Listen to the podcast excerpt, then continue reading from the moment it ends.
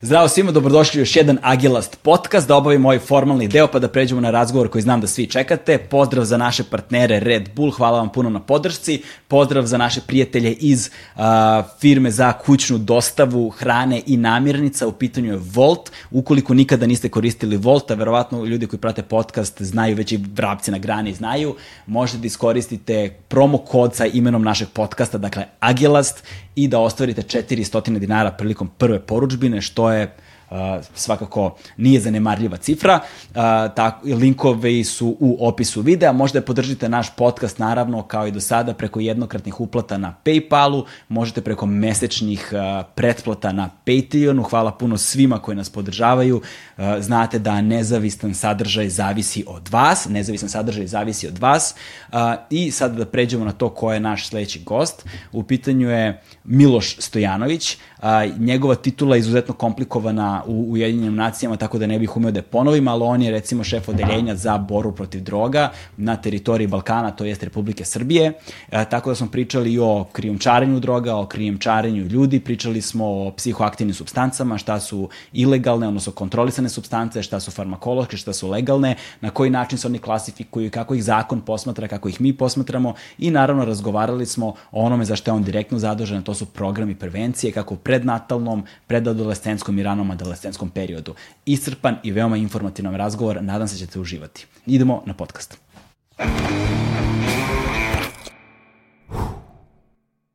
Hmm.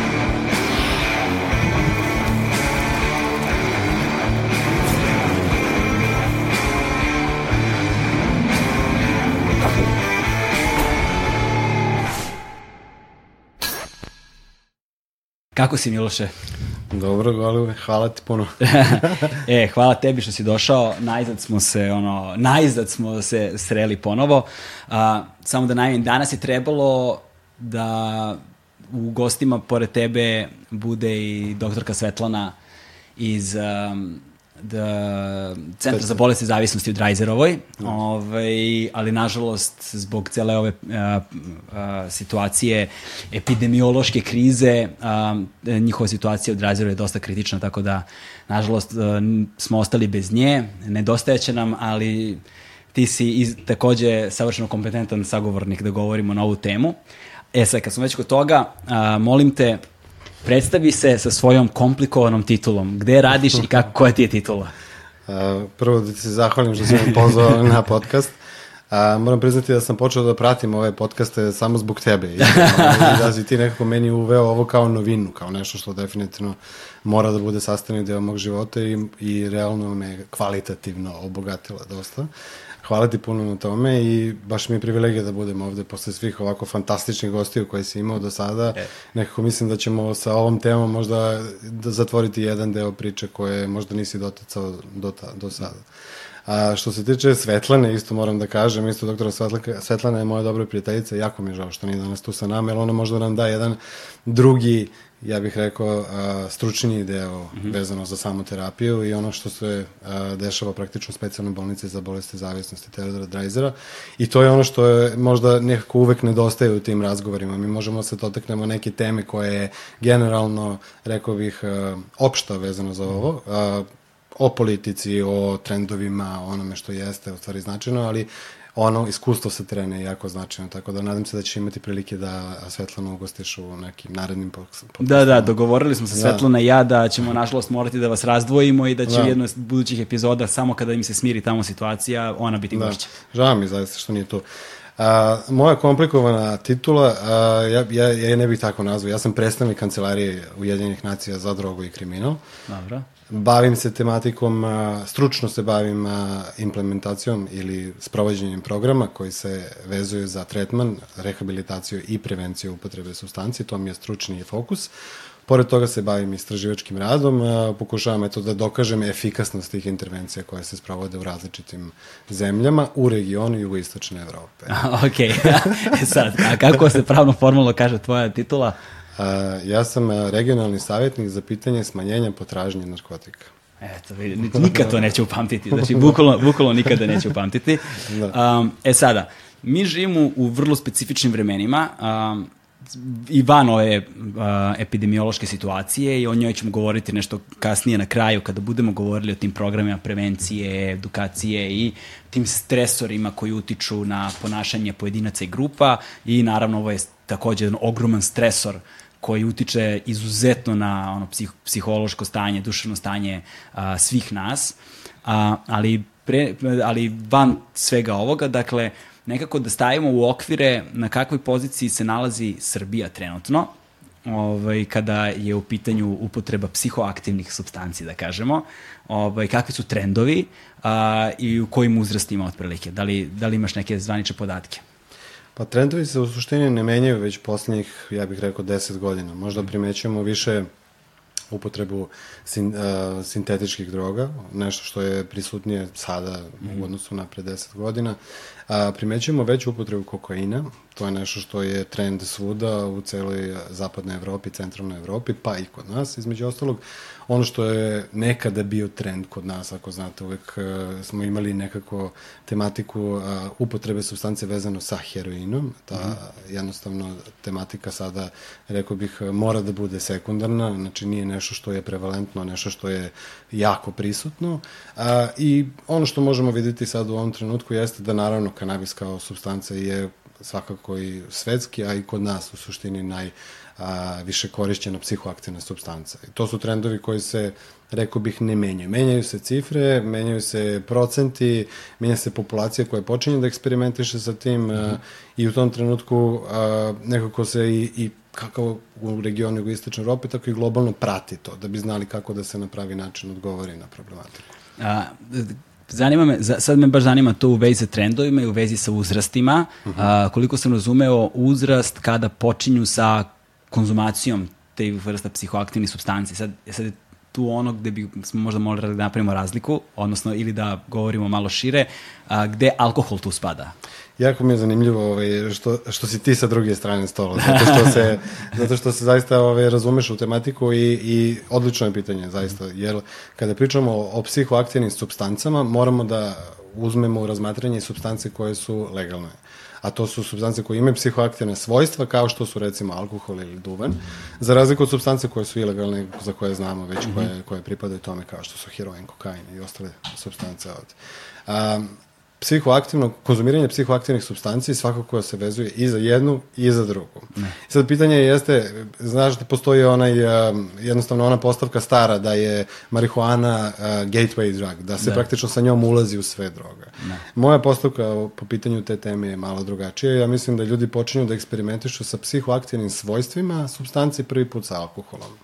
I to je nešto što je a, prvi prvi izlet u mhm. izmenjeno stanje svesti. I to na osnovu toga da li se nekome to svidi ili ima određene, rekao bih, predispozicije da možda razvije određeno ponašanje koje bi bilo um, negativnije po tu individualnu osobu mm -hmm. u tom smislu, uh, on može nastaviti sa nekim drugim sastancama, ali i ne mora nužno. I to je to.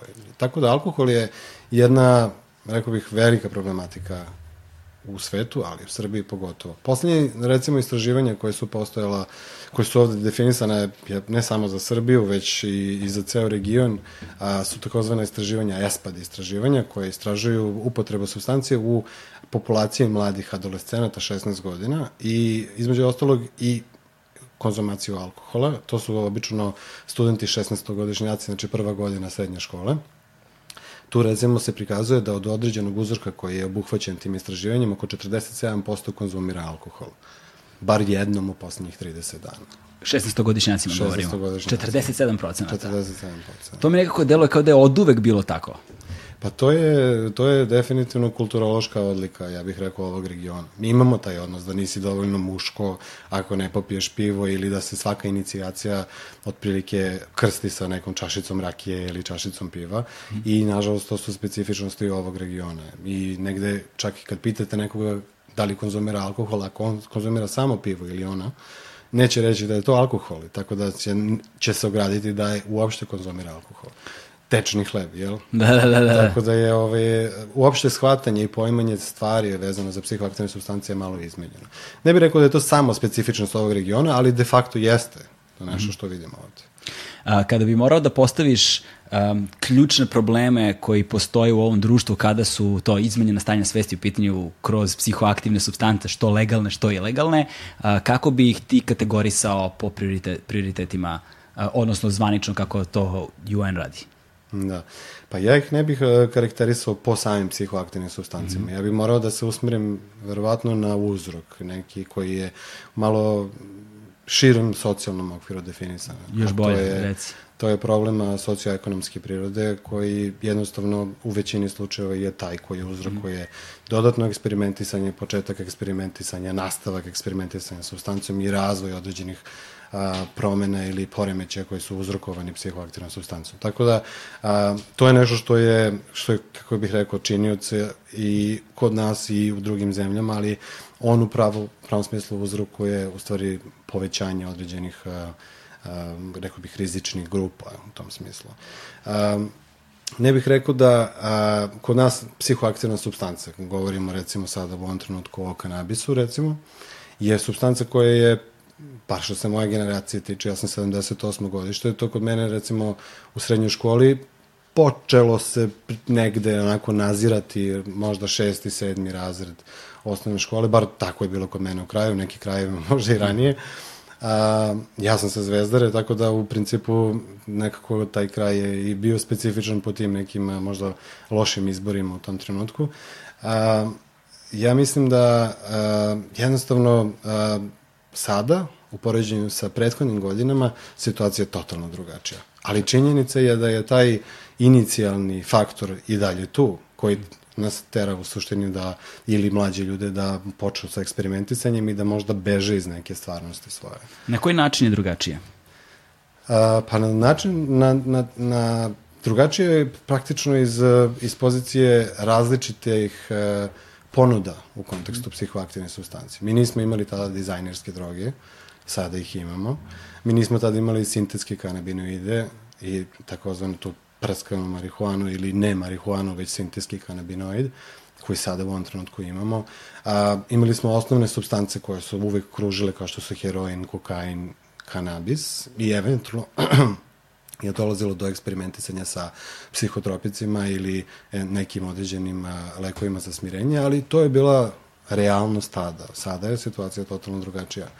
Sada je jaka, jako velika prisutnost a, sintetskih a, amfetamina, rekao bih, voša derivata a, amfetamina, od metamfetamina ili, kako bih a, nazvali nas a, lokalno speed, a, ekstazi a, i druge substance koje su u suštini a, stimulansi. Kokain de facto je ovde prisutan, sad ga možete pronaći i u ranim razredima osnovne škole, što nije bio slučaj pre toga. Zaista, a, u ranim razredima osnovne škole. U ranim razredima, izvini, srednje škole. U ranim razredima srednje škole. Pardon, da, a, u ranim razredima srednje škole, a, što nije bio toliko slučaj pre. Uh -huh. a, I jednostavno a, postoji, bar po nekoj mojoj proceni individualnoj, veći rizik za samog a, korisnika. Jer e, kada imate, rekao bih, znate ko kod vas, osobe koje koriste substance, oni znaju kod koga nabavljaju substancu, gde se ta substanca može lako nabaviti, obično se zna odakle ta substanca dolazi, zato što postoji taj prisan odnos sa svojim dilerom, jel? Da. Pa znate u stvari da iako ta substanca nije dobra, imate mogućnost reklamacije da, ili da, da. na neki način da, da porazgovarate sa, sa osobom koja ima tu substancu verovatno nabavili i da kažete ovo nije više to. Da. Ako nabavljate tu substancu preko interneta, što je opet jedna dodatna specifičnost ove generacije koja nije postojala pre, a, vi nemate kome da se žalite u suštini ako dobijete nešto što niste naručili. Ali na internetu postoji user review. postoji, postoji, da. Ali, na deep webu to jeste. Postoji, da. Ali opet, Odnosno to je dark web. Jeste, da. da. To je opet s druge strane ta specifičnost. Tako da, osim što je, postoji drugačiji, drugačiji sistem nabavke substance, postoje drugačije substance. Mm -hmm. I postoji mnogo veća mogućnost da osoba koja želi da je, eksperimentiše sa substancom, da budem mnogo više sad u ovom trenutku edukovan, informisan o same substance nego što je to bio mogućnost pre. Da, tu se, sad... tu se otvoramo jako puno tema, a, među kojima postoji još jedna koja, bi, koja je, mislim da je vrlo važna da se govori o njoj u kontekstu svih ovih substancija, to je politoksikomanija. Hmm. ovaj, i gde je tu sa tim, kako kaže, gateway drug, gde zapravo alkohol vrlo često ulaz, otvara vrata i onda u tom izvinom stanju svesti pod uticam alkohola ulaze i sve druge. Znaš, sad, da li su to neki kana, da li je to kanabis ili kanabinoidi sintetski ili su to neki amfetamini, metamfetamini, šta god, ali vrlo često to sve ide zajedno, a onda na to ide i rizično ponašanje, što je užasno problematična stvar kada su, ovaj, kada su klinci ono formativnim godinama u pitanju i to sad sve imamo ceo taj jedan domino efekat dakle, koji se dešava. Ajde sad samo da se, uh, i kad si, kad si govori o tim trendovima, promenama, kak, ovaj, volao bih da se fokusiramo na njih, da se fokusiramo na, istra, na, na rezultate istraživanja i na tvoj istraživački rad. Um, Prvo, a, a, razlog zašto si ovde, da pomenemo ljudima odmah, a, zato što 26. juna, je tako, je bio svetski dan borbe protiv droge uh -huh. a, i na 26. juna je izašao taj World Drug Report a, i trebalo je tada zapravo da snimimo podcast, ali nažalost COVID. COVID i cela situacija je odložila celu tu stvar za, za ovu priliku. Ovaj, pa bih volio da malo govorimo o tim, o tim istraživanjama, da uporedimo nas sa svetom i da vidimo št, kak, kakve uvide možemo na osnovu tih istraživanja da dobijemo i onda da se malo prebacimo posle na tvoj istraživački rad i volio bih da govorimo o tome kako je ta prisutnost, upotreba u društvu psihoaktivnih substanci povezana dakle sa ono putevima droge, sa uh, politikom, sa trgovinom i koje su šire posledice svega toga, da ne govorimo samo ono pojedincu. E. Da, tri jako zanimljiva pitanja. Um, prvo pitanje je vezano za World Drug Report. Mm -hmm. um, World Drug Report je ja bih rekao jedini izveštaj koji postoji na svetu Dobro. trenutno koji objedinjuje uh, sve informacije vezano za zaplene i vezano za trendove upotrebe substancije na svetskom mm. nivou. Postoji jedan, naravno, deo, jedan klaster tog izveštaja koji je usmeren više ka jugoistočnom regionu Evrope i to je nešto što nas dakle, dosta interesuje i u kontekstu praćenja trendova da vidimo da li sada možemo reći da se zaplenjuje, zaplenjuje recimo više kokaina, što jeste istina, mm -hmm. u odnosu na prethodne godine. Ali isto tako je jako zanimljivo, na primjer, uporediti te podatke iz 2009. godine sa podacima iz 2017. godine sada, koje nam zaista daju jednu dramatičnu sliku sad. Sad, naravno, ovaj izveštaj ima za cilj malo da predstavi brojke koje su jako a, alarmantne, rekao bih, ali opet sa druge strane više iz tog nekog edukativnog okvira i iz pozicije da može da da nekako ljudima koji su donosioci odluka više informacija, da znaju kako da možda se bolje usmere, da bolje isprate ili da jednostavno nešto što opterećuje njihov sistem u ranoj fazi reše. Mm -hmm. A, 2019, 2018. godina jeste godina koja se prezentuje u izveštaju od 2020. Znači, dve godine su potrebne da se obrade podaci. A, zemlje članice Ujedinjenih nacija a, u ovom trenutku je mislim oko 70 zemalja od 193 zemalja a, da, dostavljaju a, podatke o svojim zaplenama, o trendovima, šta je ono što vide vezano za tretman, a, što se tiče preventivnih aktivnosti i nešto što jesu prilike prevalentne problematike sada i to je za ovaj izveštaj definitivno COVID, nešto što nije bilo nikada u nijednom izveštaju do sada, jer naravno nismo ni imali prilike da se suočimo s tim. Da. Um, ovaj izveštaj pokazuje recimo jednu brojku od 270, 269 miliona osoba koje su do sada bar jednom u svom životu imali a, mogućnost da probaju bilo kakvu psihoaktivnu kontrolisanu substancu. Uh, Ono kažeš što kontrolisano, je, to znači ilegalno? To je, to je kontrolisano u smislu da je pod uh, nadzorom određenih internacionalnih konvencija. Okay. Um, ono što je specifičnost jeste recimo da ako bi poredili taj izveštaj sa izveštajem iz 2009. mi bi videli da je taj broj za 30% veći. Uje. I to se dosta onako, dosta se povećalo, što je rezultat različitih faktora. Ne bih rekao da je to samo zato što ljudi vole da eksperimentišu sa substancom, već su i nekako više su ljudi razvijeni. Kao što smo pričali na početku, postoje drugačiji mehanizmi komunikacije između dilera i finalnog korisnika. Informacija je apsolutno prisutna, može uvek u svakom trenutku da se, da se dobije, tako da je, jednostavno je, i naravno, ponuda psihoaktivne substancije nikad veća u, u istoriji čovečanstva nego sada. Um, I mislim da je to jednostavno kombinacija svih tih faktora rezultat toga. Od toga nama su značajne, na primjer, da, da probamo da shvatimo gde se nalazimo u kontekstu problematike upotrebe substance. I sad kod dugoročnih dugoročnog korišćenja upotrebe substance dolazi do određenih uh, poremećaja. Mm -hmm. jel? I to su takozvani, na engleskom se nazivaju drug use disorders. Znači sve, sve, svi poremeći koji se direktno vezuju za samu substancu, ali postoji i određeni eventualno poremeći koji mhm. su jednostavno prisutni kod, kod tih osoba koje se mogu podtaknuti ili podstaknuti da jednostavno dođe do njihovog ispoljavanja ili jednostavno u sadejstvu sa onim što psihoaktivne substance kao takve ovaj, produkuju, može da dođe do pogoršanja samih tih mm -hmm. efekata. I to je u jednoj velikom okviru jedan poremećaj. Jel? Takvih osoba u ovom trenutku je 35 miliona na svetu. Od tih 35 miliona, to je onako dosta velika cifra. I kad pogledate, to, je, to su ne, nekoliko zemalja iz ovog regiona. Ovde, kad da. skupite tu brojku, to zaista što nije mali broj.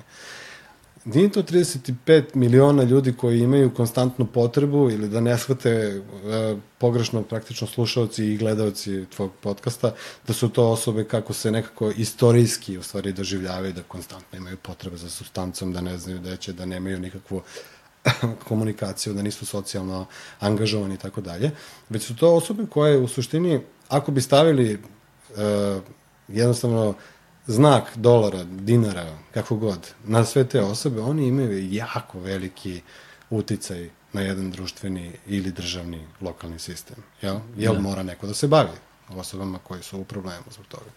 I onda se to procenjuje, u stvari, a, postoje određeni epidemiološki indikatori ovaj, koje smo, ja mislim da imali prilike da čujemo kad je počela cela problematika i sa COVID-om, ovaj, postoje oni dali, lali i tako dalje, ne znam koliko se ispratio to. to. Nisam ispratio. To je broj godina, recimo, koje su utrošene ili koje su nestale zbog samog poremeća, recimo, mm. korišćenja substanca. I na osnovu toga se u stvari procenjuje težina samog problema. I sad recimo 35 miliona ljudi za koje znamo da u ovom trenutku pripadaju jednom klasteru osobe koje imaju taj problem. Recimo, a, od tih osoba je, znamo da je 170.000 ljudi umrlo, overdoziralo samo zbog opioida. To je u kontekstu, na primjer, tih godina, recimo koristići taj prethodno spomenuti mm. indikator, to je 21 milion, 21 milion godina. Da, da, da. Kad se sve to sabere. Šta je propušteno i šta je nestalo. Tako da to daje neku određenu težinu, koliko to u stvari jeste problem za, za lokalni, uh, kako da kažem, za, za lokalno okruženje, za državu, za region, za svet. Da, da. I to je nešto što se prati. Kažem, brojke su možda alarmantne i na neki način, eto, kao frapantne, da. ali uh, nije ideja tog izveštaja da, da, da. koristi tektike. Hajde, hajde napravimo samo malu stanku jednu, pa da se vratimo na to, što, na, upamti gde si stao, nego pomenuo si opioide i onda ta opioidna kriza, recimo, a, koja se dešava u Sjednjim američkim državama sada, je vrlo simptomatična. Šta rezultati kažu kada je opioidna kriza u Americi u odnosu na, ne znam, 2009. godinu? Pa kažu da je, da je, mislim, to je jedan od najvećih problema, definitivno u Centralnoj Americi. Tu ne. nema šta da, da se priča još o tome. A, ono što je problematika vezano za upotrebu, za nemedicinsku upotrebu farmakoloških opioida, to su recimo Fentanil. fentanil, Percocet ili oksitocin, tako dalje. Da. Sve i lekovi koji a, su trenutno u, u, u mogućnosti. Oni su u suštini painkilleri. Pa oni su, da, oni su analgetici, opioidni, ovi, da. koji, koji imaju opioidnu bazu, naravno, koja ima mogućnost razvijenja, naravno, mm -hmm. a, a, zavisnosti. Jel? A, ono što je zanimljivo jeste da mi, što izveštaj nam govori u ovom trenutku, jeste da od, recimo ako imamo jedan, jedan, jedan okvir od 100% korišćenog tog a, klastera osoba koje su vezane za korišćenje ne a, farmakološko a, za korišćenje a, opioida, nemedicinsko korišćenje farmakoloških opioida, 80% tih a, prikazanih slučajeva se javlja u razvijenim zemljama. koje čine u stvari 12% celokupne populacije. Da, u razvijenim zemljama. U razvijenim zemljama. 12% se viđa u suštini u ostalih 80%, jer 88% koje su zemlje u razvoju ili nerazvijene zemlje. To je, mislim, ovaj, nekako dosta dobar pokazatelj da razumemo u stvari zašto su oni prisutni farmakološke industrije, mogućnost da se, da se dobiju u većem broju nego što je potrebno ili u većoj meri. A, jednostavno, bolja informisanost možda lekara da. ili nedovoljna informisanost lekara u tom smislu. A, tako da tu jednostavno u razvijene zemlje kao takve imaju i svoju problematiku koja je u ovom slučaju možda... To se zapravo zove Dunning-Krugerov efekat. To je tek Dunning-Krugerov efekat kada stekneš određenu količinu znanja, ali ne dovoljno da zapravo imaš pravo znanje, znaš, Da, kao, da, i onda da. veruješ da znaš, Da. a zapravo ne znaš. Da. Oni imaju taj simpatičan naziv e, za, za, za, za tu tačku, pošto to ima neki koordinatni sistem, pa u njemu ima neka krivulja, imaju tačno tu tačku gde se dešava taj prelom, posle nje zna, zapravo postaješ stručnjak koji zna, a pre nje ne znaš dovoljno, ali na toj tački oni je zovu Mount Stupid. Znaš, kao, znaš dovoljno da vodiš nekakav argument, argumentovani razgovor, ali ne dovoljno da zapravo znaš prave posledice toga. Da, da, da, da, Da. pa da, slično tome. Ovo je, ovo je jednostavno problematika sada sa kojom m- mi u ovom trenutku sada polako, ali sigurno se oprobavamo mm -hmm. kao region. Nismo toliko još uvek a, ušli u tu problematiku. Ja se iskreno nadam i voleo bih da nemamo bilo kakav drugi podcast da pričamo o ovome Da. kasnije, zato što je to je jedan problem koji prevazilazi mogućnosti možda rešavanja naše zemlje u ovom trenutku sada. A, postoje čak, a, znaš i sam da postoje određeni lekovi koji se koriste recimo za lečenje overdoza, jel? Da. Kada vidjeli smo svi u ovim filmovima i tako dalje, o petparačkim pričama i tako, Da, da. u principu lekovi koji su, se koriste znači da ponište dejstvo mm -hmm. tih substanci. A, takvi lekovi, recimo u ovom trenutku za fentanil nisu dovoljno efikasni. Moraju da pojačaju određenu aktivnu koncentraciju samog leka da bi mogo da deluje na fentanil. E, ali on je je vrlo jako zan- potentan. Ali je vrlo zanimljivo da su Amerikanci imali istraživanje baš u vezi sa time. Zaboravio sam kako se zove sad taj narkon, nešto tako, e, kako se Naloxon. zove? A? Naloxon. Naloxon, tako je. Da Pokazala su istraživanje, radili su Amerikanci istraživanja da li je a, s, a, a, s- p- a, uvođenjem naloksona u društvo, tamo u, u grupama gde je uvedeno, da li je opala, opao stepen korišćenja.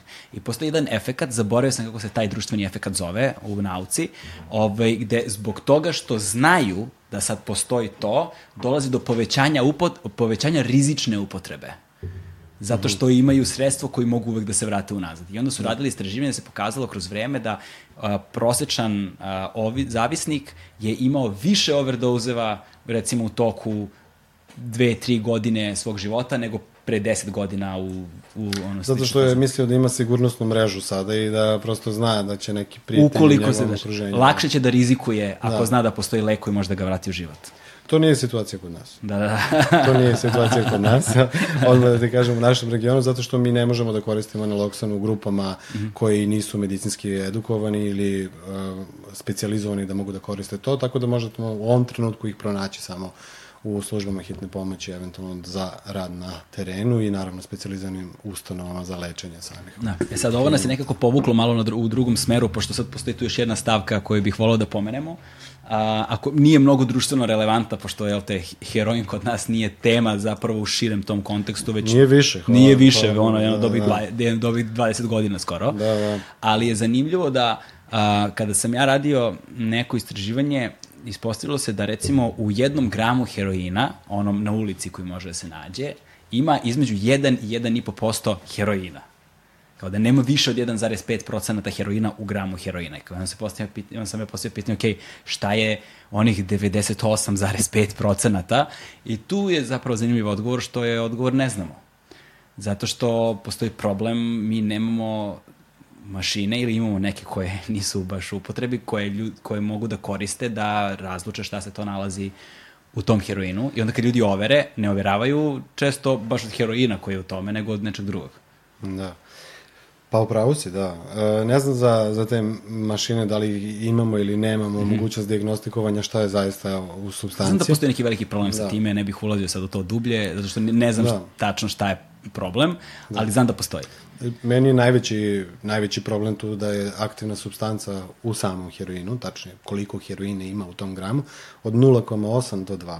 To je ono što mi znamo po nekim izveštajima. Mislim, Da. u, isto smo radijusu, ali 0,8% heroina U heroinu. u heroinu mi je, kako da kažem, frapantna informacija. Znači da, i to je nešto što se i dalje kupuje i što je i dalje prisutno i naravno iz razloga što je jeftino i tako, nekako se ipak vezuje za jednu populaciju koja polako nestaje iz, iz eh, našeg, eh, iz našeg okvira fo, ili prioritetnog fokusa. Ne kažem da osobe koje imaju problem sa heroinom nisu dalje tu, naravno da su osobe koje se jako vode uh, u kontekstu same mm -hmm. terapije, tretmana i tako dalje i postoje naravno jako definisani tretmani upravo za te osobe, ali um, jednostavno fokus nam, ne mogu kažem, beži od toga, ali širi nam se jednostavno fokus i shvatamo da prostoje određene substance koje, za koje se smatralo da ne izazivaju zavisnost kao takvu a, i jednostavno farmakološki nisu posmatrane kao bitne.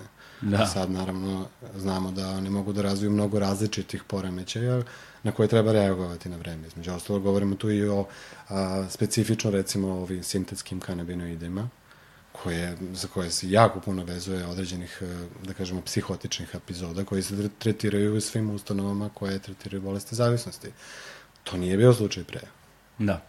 E sada, kod sintetskih kanabinoida da se udaljimo malo od od, od, od opioida i da se bacimo na sintetskih kanabinoide, kad se ih već pomenuo, zato što su mnogo relevantnija temama, da su oni bili u žiži javnosti tamo u periodu 2011. 12. 13. 14. tada je baš bio problem.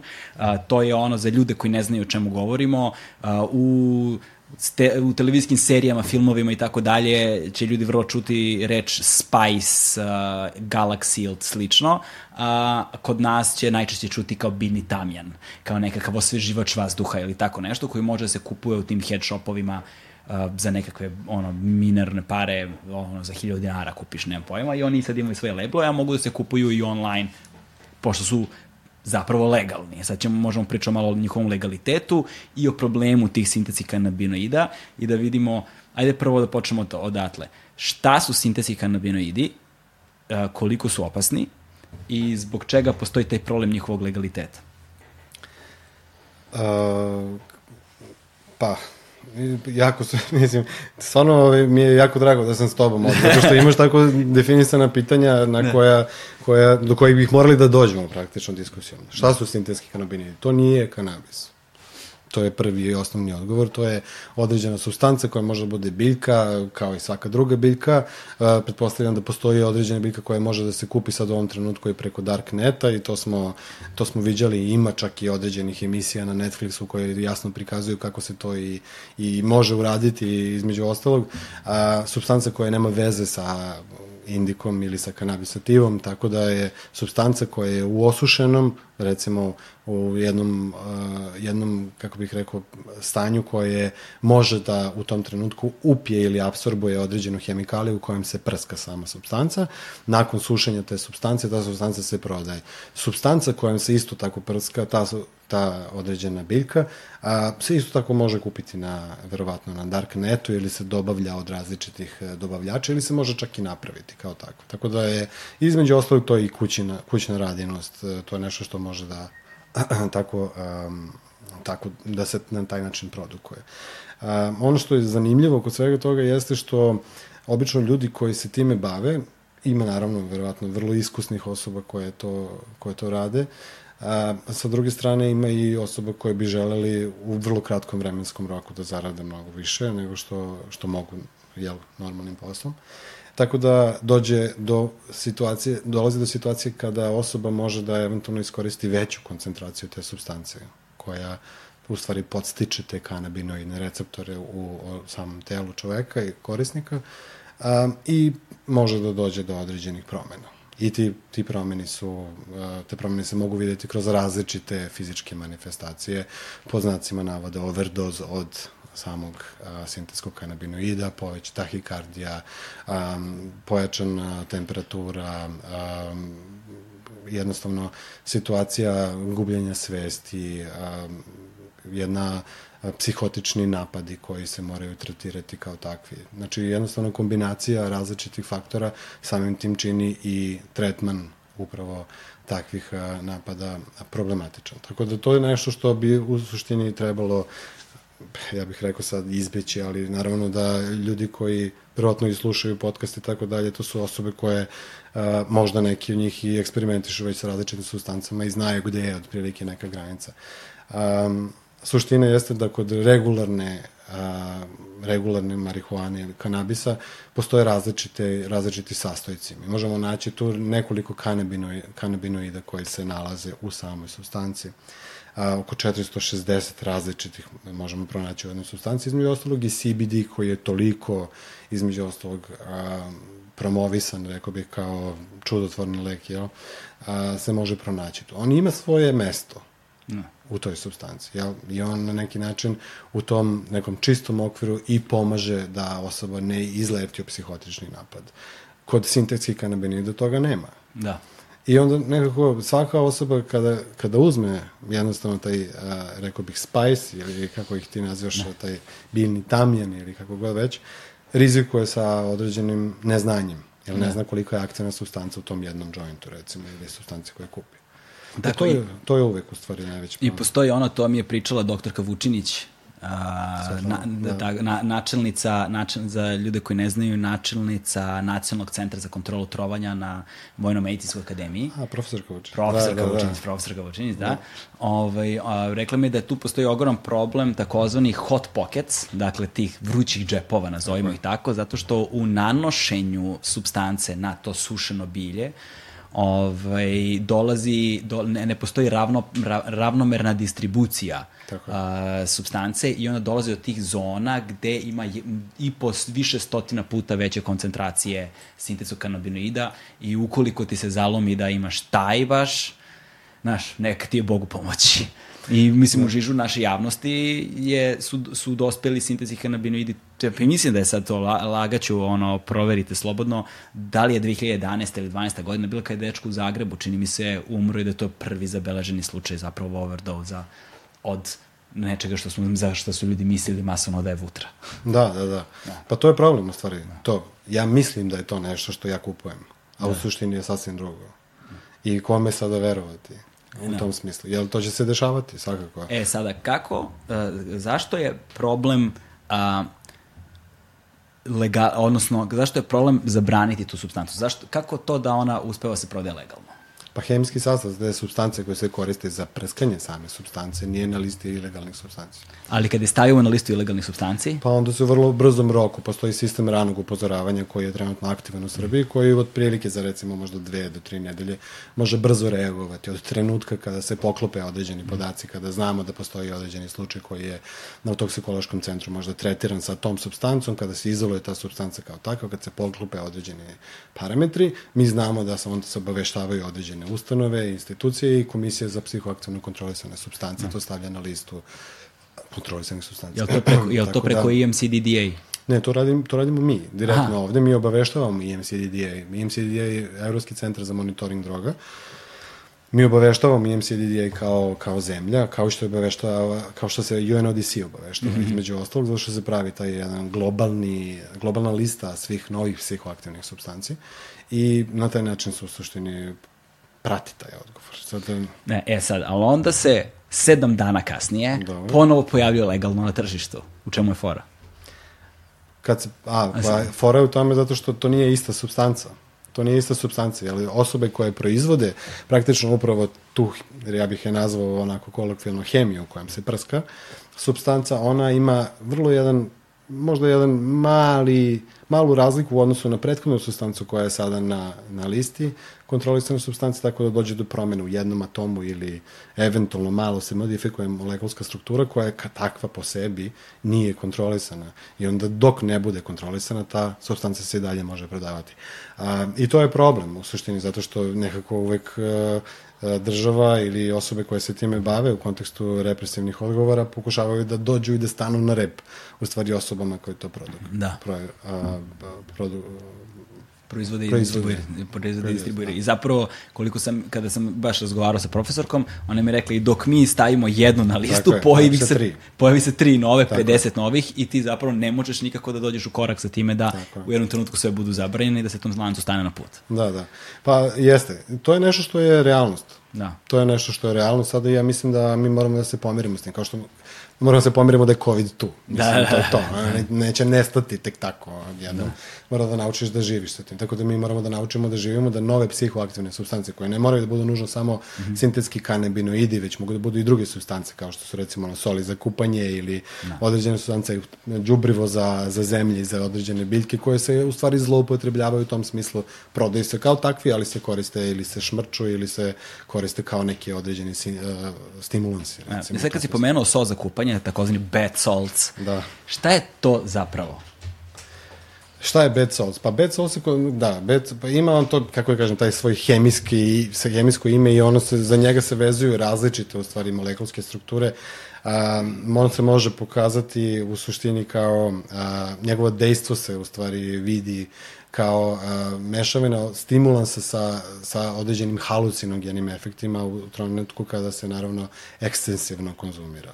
I ja mislim da na YouTube-u postoje jako veliki broj tih Ima, da. videoklipova da. gde vi zaista možete da primetite da osobe jednostavno nisu prisutne u tom, kako da, da kažem, trenutku, jednostavno imaju jedno ponašanje koje zaista izlazi iz svakog okvira kontrole i nekako zahteva jedan određeni i tretman dugoročni tretman kasnije u tom smislu. Zato što to jesu napadi koji mogu ka, da izazovu određene poremeće isto kao što recimo ekscesivno korišćenje ekstazija može da dovede recimo do mhm. pojačanog, pojačane temperature, do konvulzijenih napada i tako dalje, tako da i ovde se dešavaju slične situacije.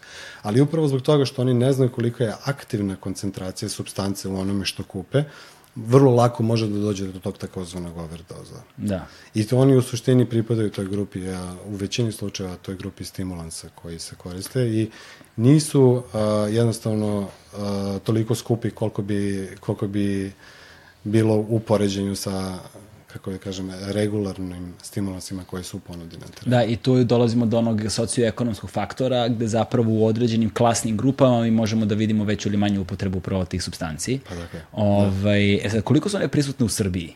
i u regionu uopšte. Imamo jako puno slušalaca, inače u celu, prostoru cele bivše Jugoslavije, pa je super da po, go, govorimo o podacima koliko ih imaš i za ostale republike. Pa ja mogu da, da, da pričam o podacima koje mi u ovom trenutku imamo. Mm -hmm ali koji ne moraju nužno da budu identični podaci a, koji, koji bi na neki način odgovarali možda reala, re, realnoj slici na terenu. Naravno, to nikada nije isto. Da. Uvijek postoje razlike. Jeste. Ono što mi sad... Izvini, to je kao sa, sa COVID-om, znaš, znamo koliko je zaraženih zvanično. da, da, da. Znaš, ali ne možemo da znamo realnu sliku. Možemo da pomnožimo s nekom cifrom da dobijemo otprilike realan broj.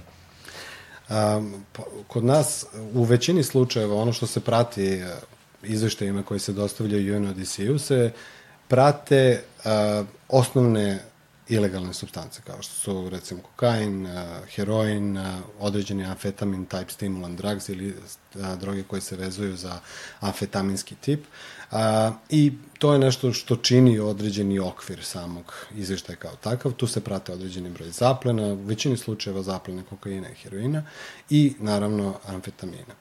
A, ono što se vidi je, što vidimo sa strane, jeste što dobijemo praktično kao dodatni, dodatnu informaciju, ali ne kroz izveštaj koji u ovom trenutku a, informiše svetski izveštaj za droge, već kroz druge izveštaje, kroz druge kanale, kao što su recimo izveštaji koji informišu EMCDDA i UNODC posebno za nove psihoaktivne substance.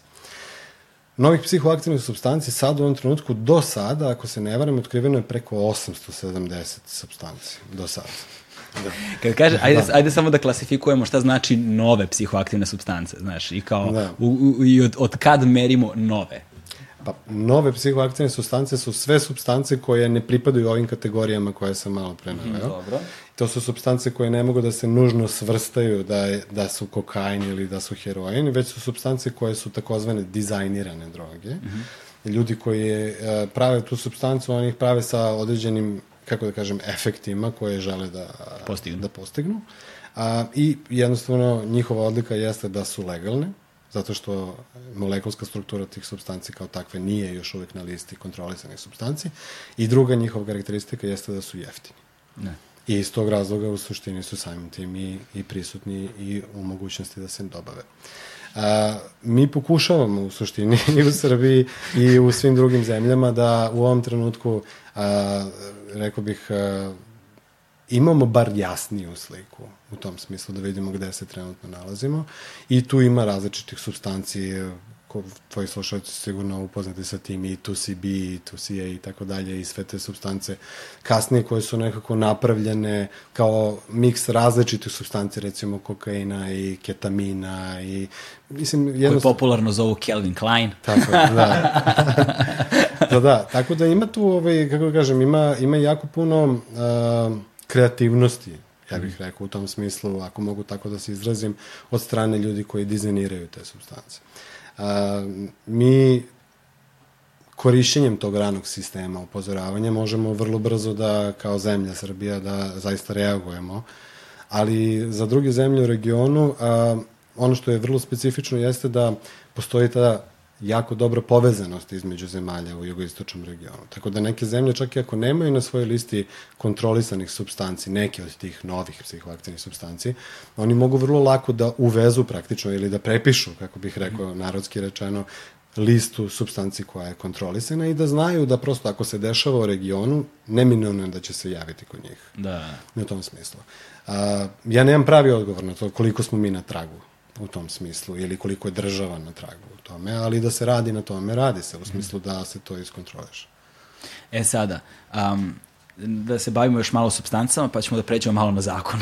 Ajde da se vratimo na tvoje istraživanje. Ima par nekoliko, par pitanja na početku. Prvo da. je bilo vezano za svetski izveštaj za droge. Tako je, da. Drugi je bio vezano za istraživanje, treći je bilo... A, istraživanje i treći je... Uf, sad sam već zaboravio.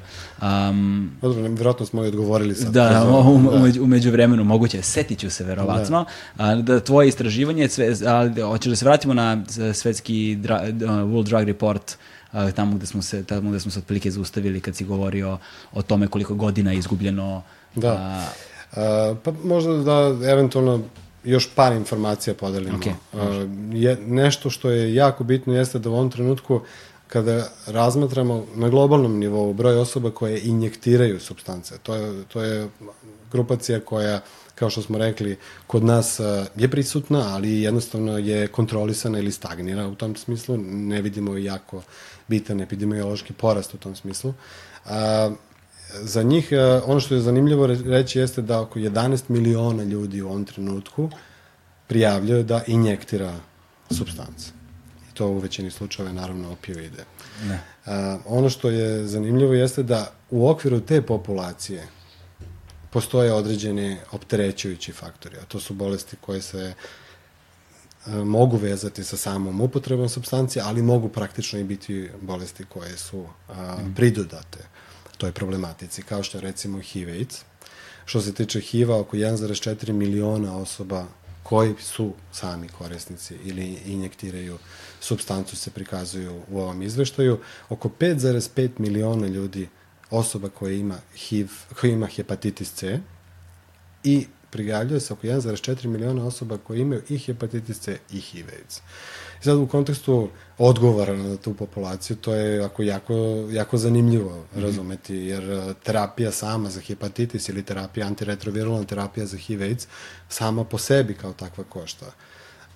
Da bi neko kontinuirano primao tu terapiju, on mora da bude klijent, pacijent, osoba koja je stabilizovana, da može da ima jedan normalan tok životni, da može da ode po terapiju, da je primi, da jednostavno ima takav odnos prema svom zdravlju i prema životu da je kontinuiran u tome. Sa takvom terapijom se ne treba zezati, u smislu mm. preskočio sam par dana, jel?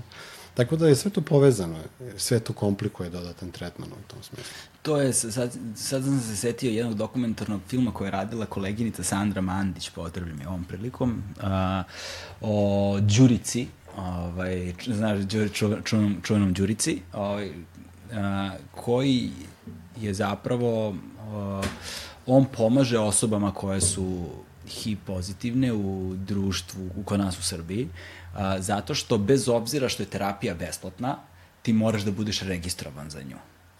I onda postoji društvena stigma u manjim sredinama, zato što, na, zato što saznaju lokalni, da li u apoteci ili gde, saznaju za tu osobu da je HIV pozitivna i onda okruženje sazna i onda dolazi do odbacivanja, dolazi do ono ogromne diskriminacije i tako dalje. I onda, bez obzira što je terapija besplatna, veliki broj osoba koje su pozitivne se ne prijavljuju zbog, upravo iz tog straha. I onda on nabavlja terapije i redovno im dostavlja, mislim to je barem bilo pred koliko godina kad je rađen taj dokumentar film, ne znam šta je dana situacija, ovaj, dostavlja njima terapije. Sad, tako, što zna, što, što, poenta priče je da vrlo verovatno zbog toga i rezultati o broju tih osoba strahovito variraju uh, šta je zvanično, šta je, šta je stvarno. Pa... To je taj socioekonomski faktor, znaš. Da. I, ti znaš da sam ja počeo u, u, u, kao aktivista u HIV-AIDS uh, sektoru, uh, još davne, davne sad moram, mogu i to da kažem, 96. godine. Ja kad sam počeo da se bavim tom problematikom, tada terapija nije bila na listi esencijalnih lekova, znači nije mogla da bude podržana od strane Republičkog zavoda za zdravstveno osiguranje, tako da ste osobe koje, koje su imali problem su morale da se snalaze, jel? I to oh, je... To grozno zvuči, ono. To je, pa da, da. Ni, jednostavno nije ni bio određeni broj ljudi koji su, koji su HIV pozitivni registrovan. Nismo znali koliki je zaista okvir problematike, kako i na koji način da se ta terapija dostavi ko će da plati to, to je problem bio ako još 90-ih, kraj 90-ih, posle rata i posle svih problema, pred oktobarsku revoluciju, jel, znači to ja. pred bombardovanje između ostalog i tako dalje. Da. Tako da je Kažu gore 5. Onako... oktobar nego oktobarska revolucija, to je ipak malo. Da, da, da, da, da, da, da, da, jasno, da, da. da. U kontekstu Srbije. Jasno, da, jasno, jasno. Ovaj, tako da tu je postoji jedan veliki balon ovaj, koji, je, a, koji je nažalost zahvatio te osobe koje su u tom trenutku imale problematiku sa HIV-icom. A, mi smo tada počeli da aktivno radimo i sa državom, ja sam bio član nevladinog sektora tada i neke stvari su se promenile vremenom da mislim da ne dužim sad priču oko toga, sada je terapija prisutna i mislim da jednostavno nemamo problem više u ovom trenutku, to je, ja se ne bojim HIV-icom već evo 10 godina od kako radim za UNODC, ali imajući vidu da je populacija koja injektira substance interesantna za UNODC zbog same mm -hmm. substance, jel to je naš da. mandat, nekako dobijam povratne informacije šta se još uvek dešava vezano za HIV AIDS. Uh, mislim da nam je jednostavno problematika tako da uh, moramo da razumemo da li uh, je ta stigma samo vezana za HIV AIDS? Da, da, da. Jer ja se bavim sad terapijom uh, bolesti zavisnosti i mislim da, da stigma i diskriminacija postoji, naravno. Ne mora nužno da bude čak i ruralna sredina. Ja mislim da je jako izražena i u, i u gradskim sredinama i to, nažalost, moram da kažem da je jako izraženo u zdravstvenom sistemu. I to su stvari koje ne bi trebale da postoje tu. Mi smo kao i ono da si razvili određene stručne uputstva i priručnike koje bi dali jasniji okvir državi kako da se orijentiše prema terapiji gde je poštovanje ljudskih prava naravno i a, smanjenje diskriminacije ili apsolutno zero tolerance u tom smislu prema diskriminaciji i stigmi jasno definisano kao jedan od indikatora takvih uputstava. I to je nešto što bi želeli u svakako da vidimo, ne samo ovde, nego u svim, svim zemljama i u regionu, a i dalje i šire. Ali, nažalost, jednostavno, ljudi, pretpostavljam, se bore sa a, svojim neznanjem kroz diskriminaciju. Da. I to je ono što, što vidimo. Ali, ali je moguće da se to razbije. Ja, ja sam gotovo uveren da je to tako. Ja sam, ja sam gotovo uveren da to može da se promeni. Samo je potrebno vreme. Samo. Da. pa dobro, da. da za, mno, za, mnoge, za mnoge ljude vremena nema. To je ono, znaš, to, je, da. to je ono što je takođe ogroman problem. A, no, a, da se vratimo nazad na, na, na, na teme kojima smo se bavili. A, Uh, hteo sam sad, razmi, sad razmišljam da da krenemo o tvom istraživačkom radu ili da se još bavimo malo substancama, naš, ali ajde sad ćemo da vidimo. Uh, reci mi nešto više o svom istraživačkom radu. Moj istraživački rad je vezan za, za programe te za tretman i za mhm. programe koji, se, koji su posmatrani kao preventivni programi. Mm -hmm. A, više sam usmeren ka preventivnim programima i moj rad je nekako više dokumentovan u tom smislu, tako da smo neke efekte programa koje smo im sprovodili ovde duži vremenski period i dokazali da mm. jednostavno imaju taj pozitivni preventivni efekt u kontekstu smanjenja upotrebe substancije ili odgođenja konzumiranja da. određenih psiho, psihoaktivnih substanci.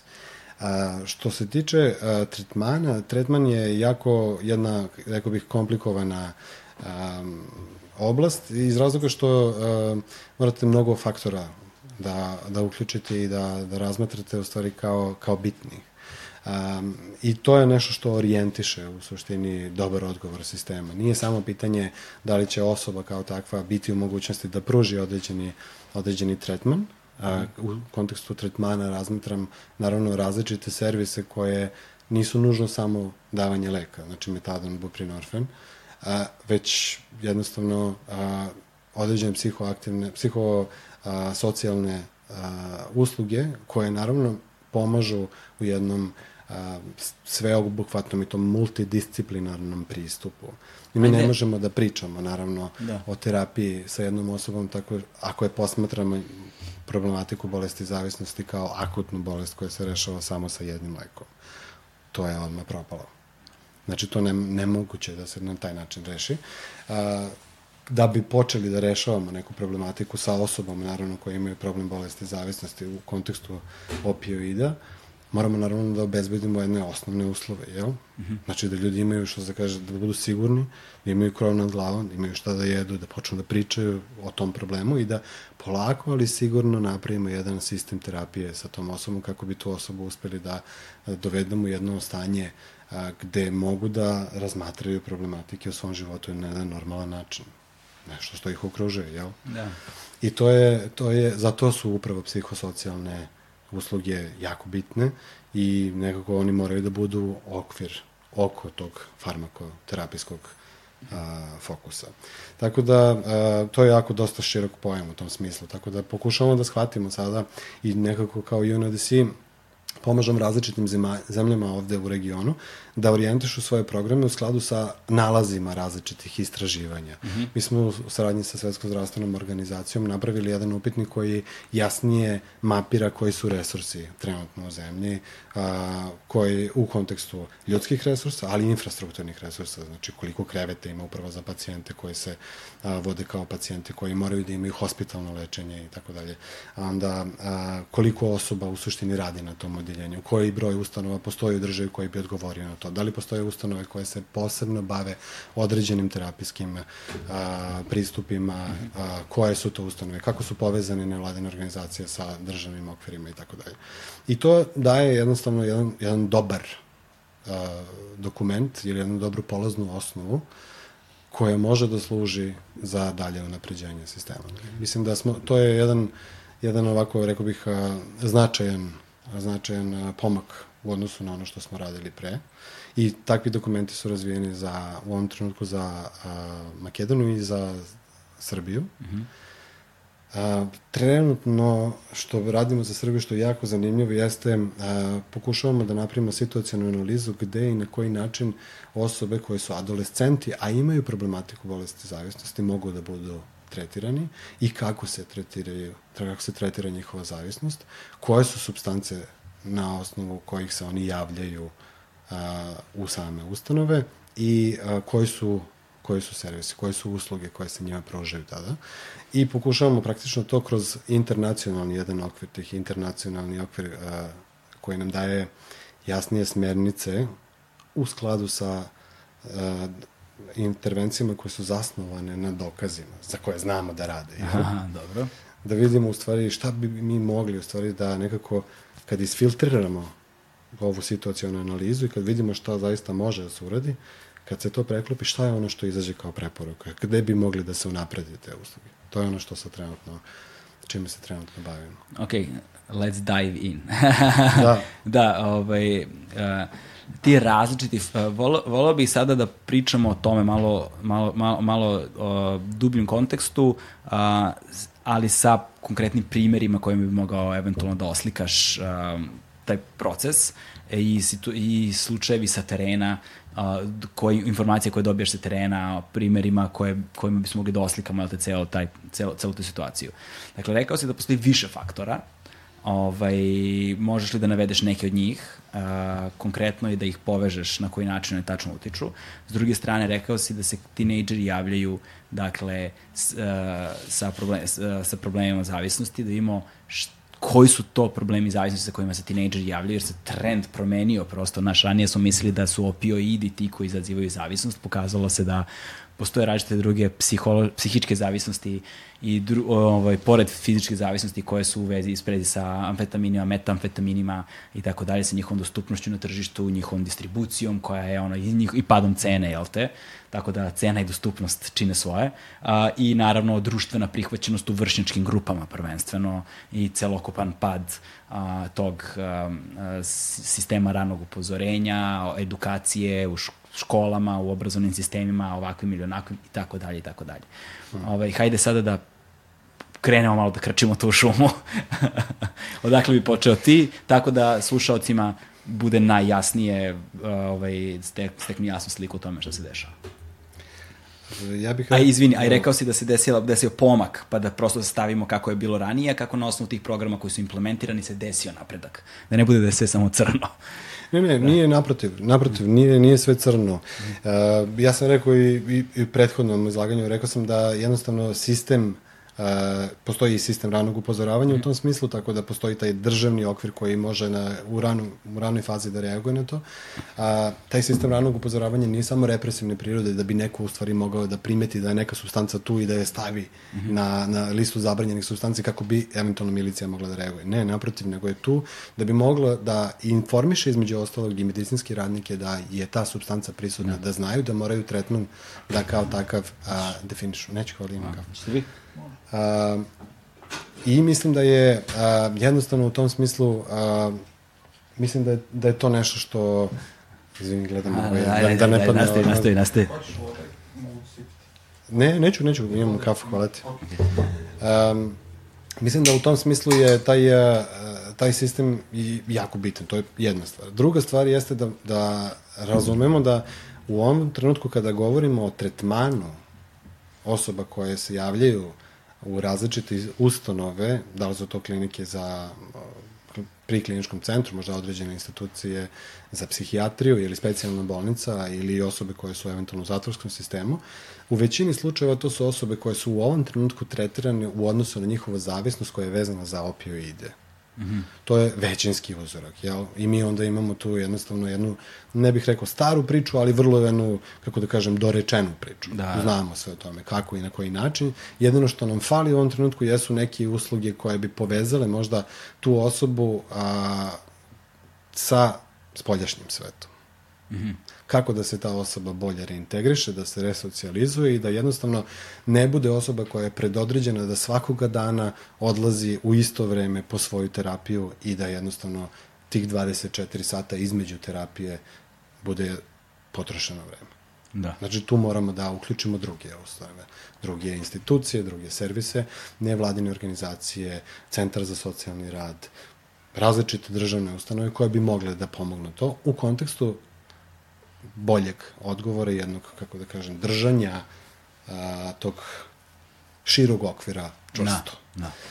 Um, I to je nešto što se trenutno dešava. Što se tiče uh, ove druge, kako bih rekao, grupacije koja se trenutno javlja, naravno, um, sintetski kanabinoidi u kontekstu maloletne populacije, adolescenata ili mlađih korisnika, naravno, sad su sve više i, i više prisutnije kao jednostavno slučajevi koji zahtevaju pažnju medicinskih stručnjaka. I imamo, naravno, amfetamine koje, koje praktično u kontekstu overdoza, kada dođe do određenih problematika, oni zahtevaju naravno svoj, svoj efekt. Mali broj njih se javlja u odnosu na, na zloupotrebu kokaina, ali je prisutan više nego što je bilo pre do sada. I ono što vidimo jeste da recimo u nekim određenim regionima je bilo nekoliko, bar kod adolescenske populacije, ako se dobro sećam, nekoliko a, specifičnih slučajeva vezano za a, overdoza prilikom korišćenja halucinogenih substanci. To nije bio slučaj u Beogradu, ali, na primjer, ako, ako se dobro sećam, već je bio slučaj uh, prikazan u regionu Novog Sada i Vojvodine. A, ka, aj sad, malo sam tu zbunjen. Šta znači overdose od halucinogene substance? ja bih rekao da ti možda eventualno možeš da odgovoriš nekako isto na to pitanje, ali a, pretpostavljam da je jednostavno mogućnost, nemogućnost kontrolisanja doživljaja bio taj koji je tražio u suštini. E, tu si sada došao do jedne vrlo uh, specifične teme koju mislim da je važno da uh, razdvojimo. Ovo je, ovo je onaj segment razgovora gde bi nam Svetlana mnogo pomogla. Upravo tako, Upro... to sam teo da kažem da, na početku da, da, da, da, da, da, da, ovo je, ovaj, um, a to je da imamo, uh, recimo u Beogradu imamo uh, Centar za bolesti zavisnosti, jel te, uh, Teodora Drajzera, uh -huh. uh, i imamo Nacionalni centar za kontrolu trovanja na VMA. Da.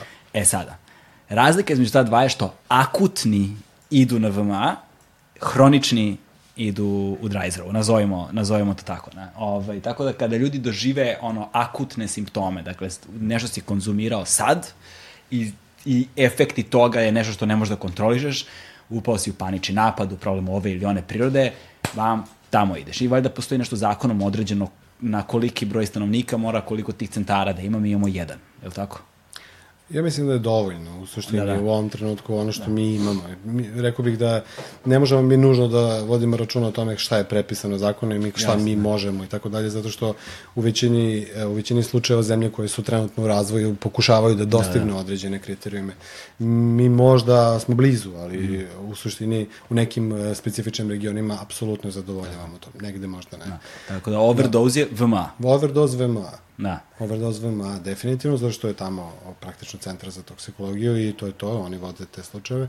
Što se tiče Teodora Drajzera, tu postoje i e, pacijenti koji se hospitalno zbrinjavaju i pacijenti koji dolaze ambulantno, jel? Mm -hmm. Tako da postoji i jedna i druga. Da. Postoje različite vrste zavisnosti. Postoje zavisnosti koje dolaze ljudi koji imaju problem, recimo, sa kockanjem. Da, da. Jel? koja je naša, ne znam da ovom prilikom pozdravljam dr. Kovalčas, ali da, ona Snežana Alčas, na, načelnica da. bolničkog lečenja, ali tako, tako je bilo. A, recimo, a, to su jako zanimljivi programi koje, mm. na koje moramo da buhvatimo, takozvani programi nehemijske zavisnosti. Jel? Da. A, jer u bazi mi imamo jednu, jednu istu problematiku u svemu tome, da jednostavno osobe žele da, a, do, da, da svojim specifičnim ponašanjem dosegnu neki određeni nivo zadovoljenja sebe. Da. Jel?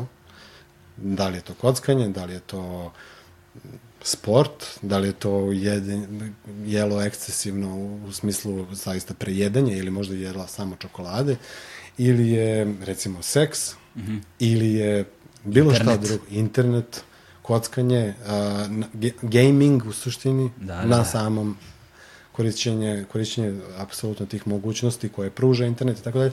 Tako da je to jedan široki okvir, ali ja bih rekao sa jednim istim zajedničkim činiocom. E sada, um, kaže, tinejdžeri koji se javljaju, da, da li imate konkretne podatke uh, istraživanja o kojima možemo da govorimo kada govorimo o toj grupi, pošto su oni negde možda i najrizičnija grupa? Ja ne bih rekao da su tinejdžeri najrizičnija Aha, grupa. Dobro. Mi nemamo, ja, ja, ja, mi upravo završavamo to istraživanje, nije još uvek javno, tako da ne mogu da pričam Aha. mnogo sad trenutno o tim uh, pokazateljima, ali uh, ono što je prisutno, ono što znam, recimo da je tinejdžeri su u recimo procentu možda prisutni 5% mm -hmm. u odnosu na celokupnu populaciju. Ja mislim da broj adolescenata koji je tretmanski zbrinut je nekdo otprilike oko 140, ne više to za celu Srbiju. Mm -hmm. Tako da je to broj koji je zbrinut, ali pitanje u stvari koliki broj ima potrebu za tretmanom koji možda zbog različitih razloga nije došao do, do ustanova. Jel? Da. I to zahteva jednu dužu a, analizu i jedan, jedan rekao bih, detaljniji a, pristup svemu. A, jednostavno, za sad nam je ovo dobra polazna osnova, da vidimo gde se trenutno nalazimo i koji su problemi sa adolescentima. Ne moraju nužno čak adolescenti da nam daju informaciju o tome koji su trendovi u društvu, ali mogu da nam daju informaciju koji su trendovi u toj populaciji. Da. E, mi uvek imamo taj jedan istorijski okvir, jedan specifičan pristup e, da posmatramo adolescente kao populaciju koja je uvek najkritičnija ne mora nužno da bude adolescentska populacija najkritičnija, to je ono što je, što je de facto uh, prikazano u različitim istraživanjima po, po pitanju preventivnih programa. Adolescentska populacija je specifična po tome što adolescenti su prvi put u suštini u poziciji da mogu da odluče za sebe. Da. Bez roditeljske inicijative ili saglasnosti, jel? Ne mora nužno da bude dobar odgovor u tom smislu. Tako da je to nešto što nam je značajno da, da shvatimo da hoćemo u toj ranoj fazi možda da obuhvatimo tu populaciju koja bi možda mogla da a, se bolje profiliše. Jel? I ono što je bitno jesu te fizičke karakteristike adolescenata. Mi znamo da do 25. godine telo odrasle osobe ili osobe se razvija u odraslu osobu, jel? I samim tim mozak kao jedan vrlo jel, esencijalni sistemski organ je jako bitan. U tom smislu razmatramo naravno specifičnu a, specifični deo mozga koji se naziva prefrontalni korteks, koji je zaslužen za te takozvane informisane odluke, jel? koje nedostaju do 25. godine. To je fakt, to je nauka. To je ono što znamo u ovom trenutku. I mi samo pomažemo u suštini adolescentima da jednostavno taj nivo eksperimentisanja sa drogom, ako već mora da jednostavno bude sastavni deo njihovog odrastanja zbog različitih faktora, probamo da odgodimo do trenutka kada već su stariji i imaju jednostavno informisani, kako da kažem, pristup eksperimentisanju. I u većini slučajeva oni koji počinju kasnije su osobe koje bi možda eksperimentisale sa substancama ceo svoj život, ali ne bi razvile zavisnost. Da, da. E sad tu dolazimo do jednog vrlo pipovog terena, ovaj, u, za, zato što ga pravni okvir ne prepoznaje, a, a ovaj, i onda recimo kada razgovaraš zvanično na primjer, kada bi mi doktor neki došao u podcast, na primjer, kada bismo razgovarali, doktor ne bi, na primjer, smeo da govori o rekreativnoj upotrebi, zato što je na taj način zakon zapravo ne prepoznaje. Svaka upotreba je ono zlo upotreba. Ovaj, I, i, i a, pored toga, takođe kako se u zakonu klasifikuju zapravo, mi imamo samo tri člana koji određuju sve psihoaktivne substance, ilegalne, da je droge, da kažemo, što je vrlo komplikovana stvar zato što ostavlja jako puno prostora za interpretaciju, u velikoj meri se nalaziš na milost i nemilost osob, policajca koji te je zaustavio, uhapsio ili, na primer, sudije koji donosi odluku, znaš, postoji jako puno prostora da se tumače stvari i onda znamo za praksu da su ljudi za ne znam koliko malo vutra dobijali 3 do 5 godina zatvora bez problema i gde su za mnogo veće i gore stvari nisu dobijali ništa, znaš, tako da ali je vrlo važno takođe razumeti to zato što malo pre si pominjao to kao odgađanje tog trenutka, edukacija, ovo ono gde možemo da govorimo o programima harm reductiona, jel te smanjenja štete, koje takođe su problematični sa aspekta zakona, jer zakon bilo kakvo komunikaciju o drogama posmatra kao stimulisanje na konzumaciju droga, ali tako nešto, možda sam to malo pogrešno formulisao, ali da, da, tu je, sam negde. da, da, da. Mislim, to je u skladu sa tim zakonom, članom zakona 246b, ako se ne varam, za omogućavanje uživanja dakle. same substance. Ja nisam pravnik, da. u, tom smislu ovaj, znam samo neke priče koje dobijam uh, od različitih kolega i koliko to na neki način može da bude od pomoći, a s druge strane koliko je naravno uh, štetno možda za upravo neki tako individu koje si ti naveo. Um, ja mislim da nam je um, generalno zakon kao takav, kako je definisan, on prati jedan zakonski okvir koji je sugerisan uh, bar što se tiče psihoaktivnih kontrolisanih substanci, sugerisan internacionalnim konvencijama. I on se povezuje sa određenim, recimo, substancama koje su na, klasifikovane kao klasa recimo 1 ili klasa 2, 3, 4 u odnosu na njihove štetne efekte i mogućnost eventualno medicinske upotrebe i u odnosu na to on pro, pokušava da nekako definiše državni okvir. Naš zakon kao takav nije nužno loš. On je jako lepo definisan u tom smislu, ali on daje jednostavno rigidniji pristup u kontekstu a, razumevanja da nije svaka upotreba substance nužno zavisnost, recimo. Da. Ili da postoji mogućnost da je samo u tom trenutku jednostavno kod te osobe pronaš, pronađena neka substanca možda nikad više ne bi bila pronađena, ali jednostavno se, se a, iz razloga što je zakon je takav kakav jeste, definiše se ta osoba na isti način kao i, i procesuira kao i druge osobe. N, e, postoji nešto što je što nije definisano zakonom, jer mi imamo manju količinu substance, ako se uvati neka osoba ili sa manjom količinom substance za ličnu upotrebu. Šta je manja količina substance? Da. To je nešto što ne znamo.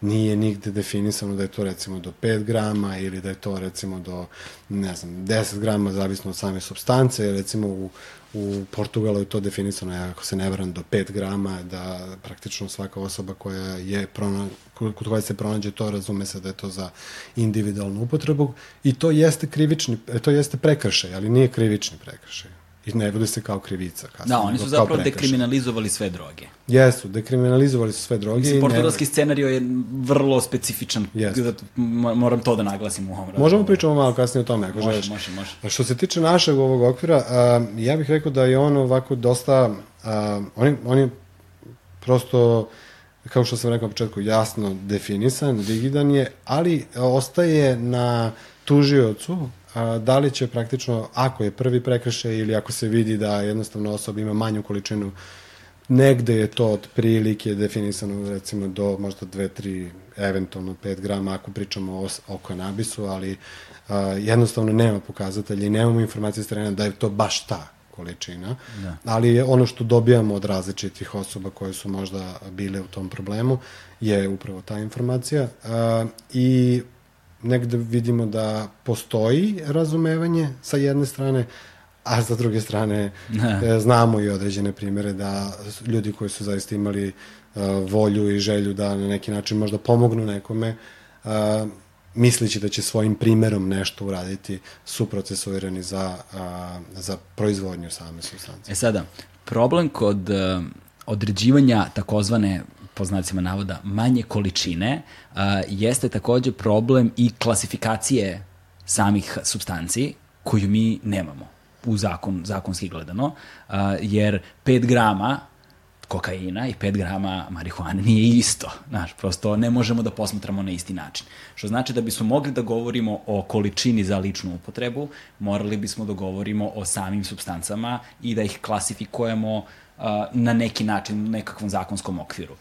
Koliko ja znam, ne želim da ono sad stavljam kao paraf na to kao ovako je, proverite, a, mi nemamo tu vrstu klasifikacije. Zapravo zakon kod nas, zakonski isključivo gledano, ne razlikuje da li ti imaš marihuanu ili heroin kod sebe. Isto Da, ja mislim da je u, u ja mislim da je u onako real, u realnom svetu Da. drugačije. Mm -hmm. Zakon kao tako kako je napisan možda ne, ali ono što vidimo na terenu je da je naravno da su to drugačije prekršaje, drugačije će se Da. tužioc kako postaviti u odnosu na pronađenu 5 grama kokaina ili heroina u odnosu na 5 grama marihuane. Da. Ne, mislim, u većini slučajeva će verovatno biti Ako imaš sreće. Ma, bare malo. Ako nemaš sreće, znaš, baš je nemaš onda. Ja rekao sam ti na početku, ja nisam zaista Da, pravnik, ja- ja, to da. ne bih mogao da mnogo da, da, da, da razlažem uopšte u ovu problematiku i da mnogo polemišem na ovu temu, ali mislim da jednostavno bolje i veće razumevanje prema osobama koje a, konzumiraju substancu i koja pod jedan je možda, eto, da kažem pod znacima Mhm. navoda rekreativna, a, zahteva jednu dublju procenu da se vidi zašto je to tako i Da, što uopšte dva- znači rekreativno. Da, pa, mi nemamo taj termin. Pa da. Mi nemamo taj termin, naravno, ali rekao bih da je rekreativno neko ko je u tinežerskim godinama rešio da se oproba da, u svojim nekim psihonautskim težnjama da, eto, shvati nešto. Pa da, ali opet psihonautsko ne bih smeštao u Da. ono što bih ja možda stavio kao rekreativno. Prvo zato što s jedne strane psihonauti su ljudi koji ne rade rekreativno. Pa da, to, je, da. to je prvo. Oni su ili u nekom ono a, dubokoj imanenciji u potrazi za nekim višim istinama, šta god je to i to obično svrstamo u neku a, halucinogenu ono, kategoriju. A, ono što bih negde nazvao rekreativnim jeste ono što kolokvijalno se u svetu naziva weekend warriors, jel te, kao naš, ono, radimo od ponedjeljka do petka, od 9 do 5, brate, ono, cimam se i dođe petak, dođe subota, znaš, i onda se, onda se urokamo i samo se vikendima drogiramo. Ali ono što je zabluda velika, uh, to je isto nešto što je pokazalo, što se pokazalo kroz praksu, da to što se drogiraju samo vikendom ne znači da su rekreativni, rekreativci takozvani. Sve ovo kolokvijalno, znači ništa nemojte da me hvatate, uzimate Da, pretarano. da, da, pa ja, ja isto to bih rekao isto kao i ti. Ja mislim da je samo pitanje, u stvari, frekvence korišćenja mm -hmm. substance, ta koja će da nam uh, produkuje veći ili manji problem u tom smislu. A, psihonauti, ako će da raditi, recimo, što se ti rekao, postoji distinkcija između psihonauta i rekreativaca ili vikend warriora. Psihonauti možda da traže za neče, nešto više u odnosu na to, ali ako je nešto što, ako to traže svaki vikend, I ako vi vidite da postoji druga grupacija ili probamo da uporedimo to sa drugom grupacijom koja isto radi svaki mm. vikend nešto, onda ja ne mogu da vidim tu neku distinkciju jasnu, osim da. toga što su što je ideja možda psihonautske grupe malo drugačija. Ovi da. mis, možda nisu toliko iskusni. Da, filozofski, pristup. filozofski pristup. Da. da. Ja, jednostavno, za, za, da, bi, da bi jedan okvir funkcionisao, on mora da ima jedan čvrst pristup u tom smislu. I ja mislim da je naš zakon tako i definisan. On kaže, čak videli ste da je, ne znam zašto ti persiram sad u poslednje vreme, ali ovaj, čak zato što vidim i tvog druga ovde se strane pa kao, objašnjavam vama. Boja, boja spažljivo da, sluša, da, da. potrebne su mu informacije. ovaj, um, videli smo recimo da je zakon, krivični zakon postao malo čvršći, malo je... Da, malo, bila je neka dopuna zakona. Bila je neka dopuna zakona, baš posebno vezano za ove, za ove članove. Uh, ali uh, ono što predviđa jeste da, naravno, ako je osoba koja je prodavala substancu, ako je u vezi sa organizovanom kriminalnom grupom ili ako je to organizovano dilovanje ili preprodaja, naravno da su kazne u tom trenutku mnogo veće. I to otprilike zakon kao takav i treba mm. da definiše, ja bih rekao, ali ono što je meni značajnije u ovom trenutku jeste kako se odnositi prema klijentima ili osobama koje su, eto, možda u, uhvaćeni u tom jednom a, u tom jednom a, krivičnom pravnom sistemu, a koji nisu ni zavisnici, nego su osobe koje su možda, eto, prvi, drugi, treći put kod sebe imali neku substancu uh, i šta se dešava ako je ta osoba ponovo uhvaćena za isto to? Ta osoba ne mora nužno da ima zavisnost. Ja. Ne mora da razvije zavisnost vezano za to.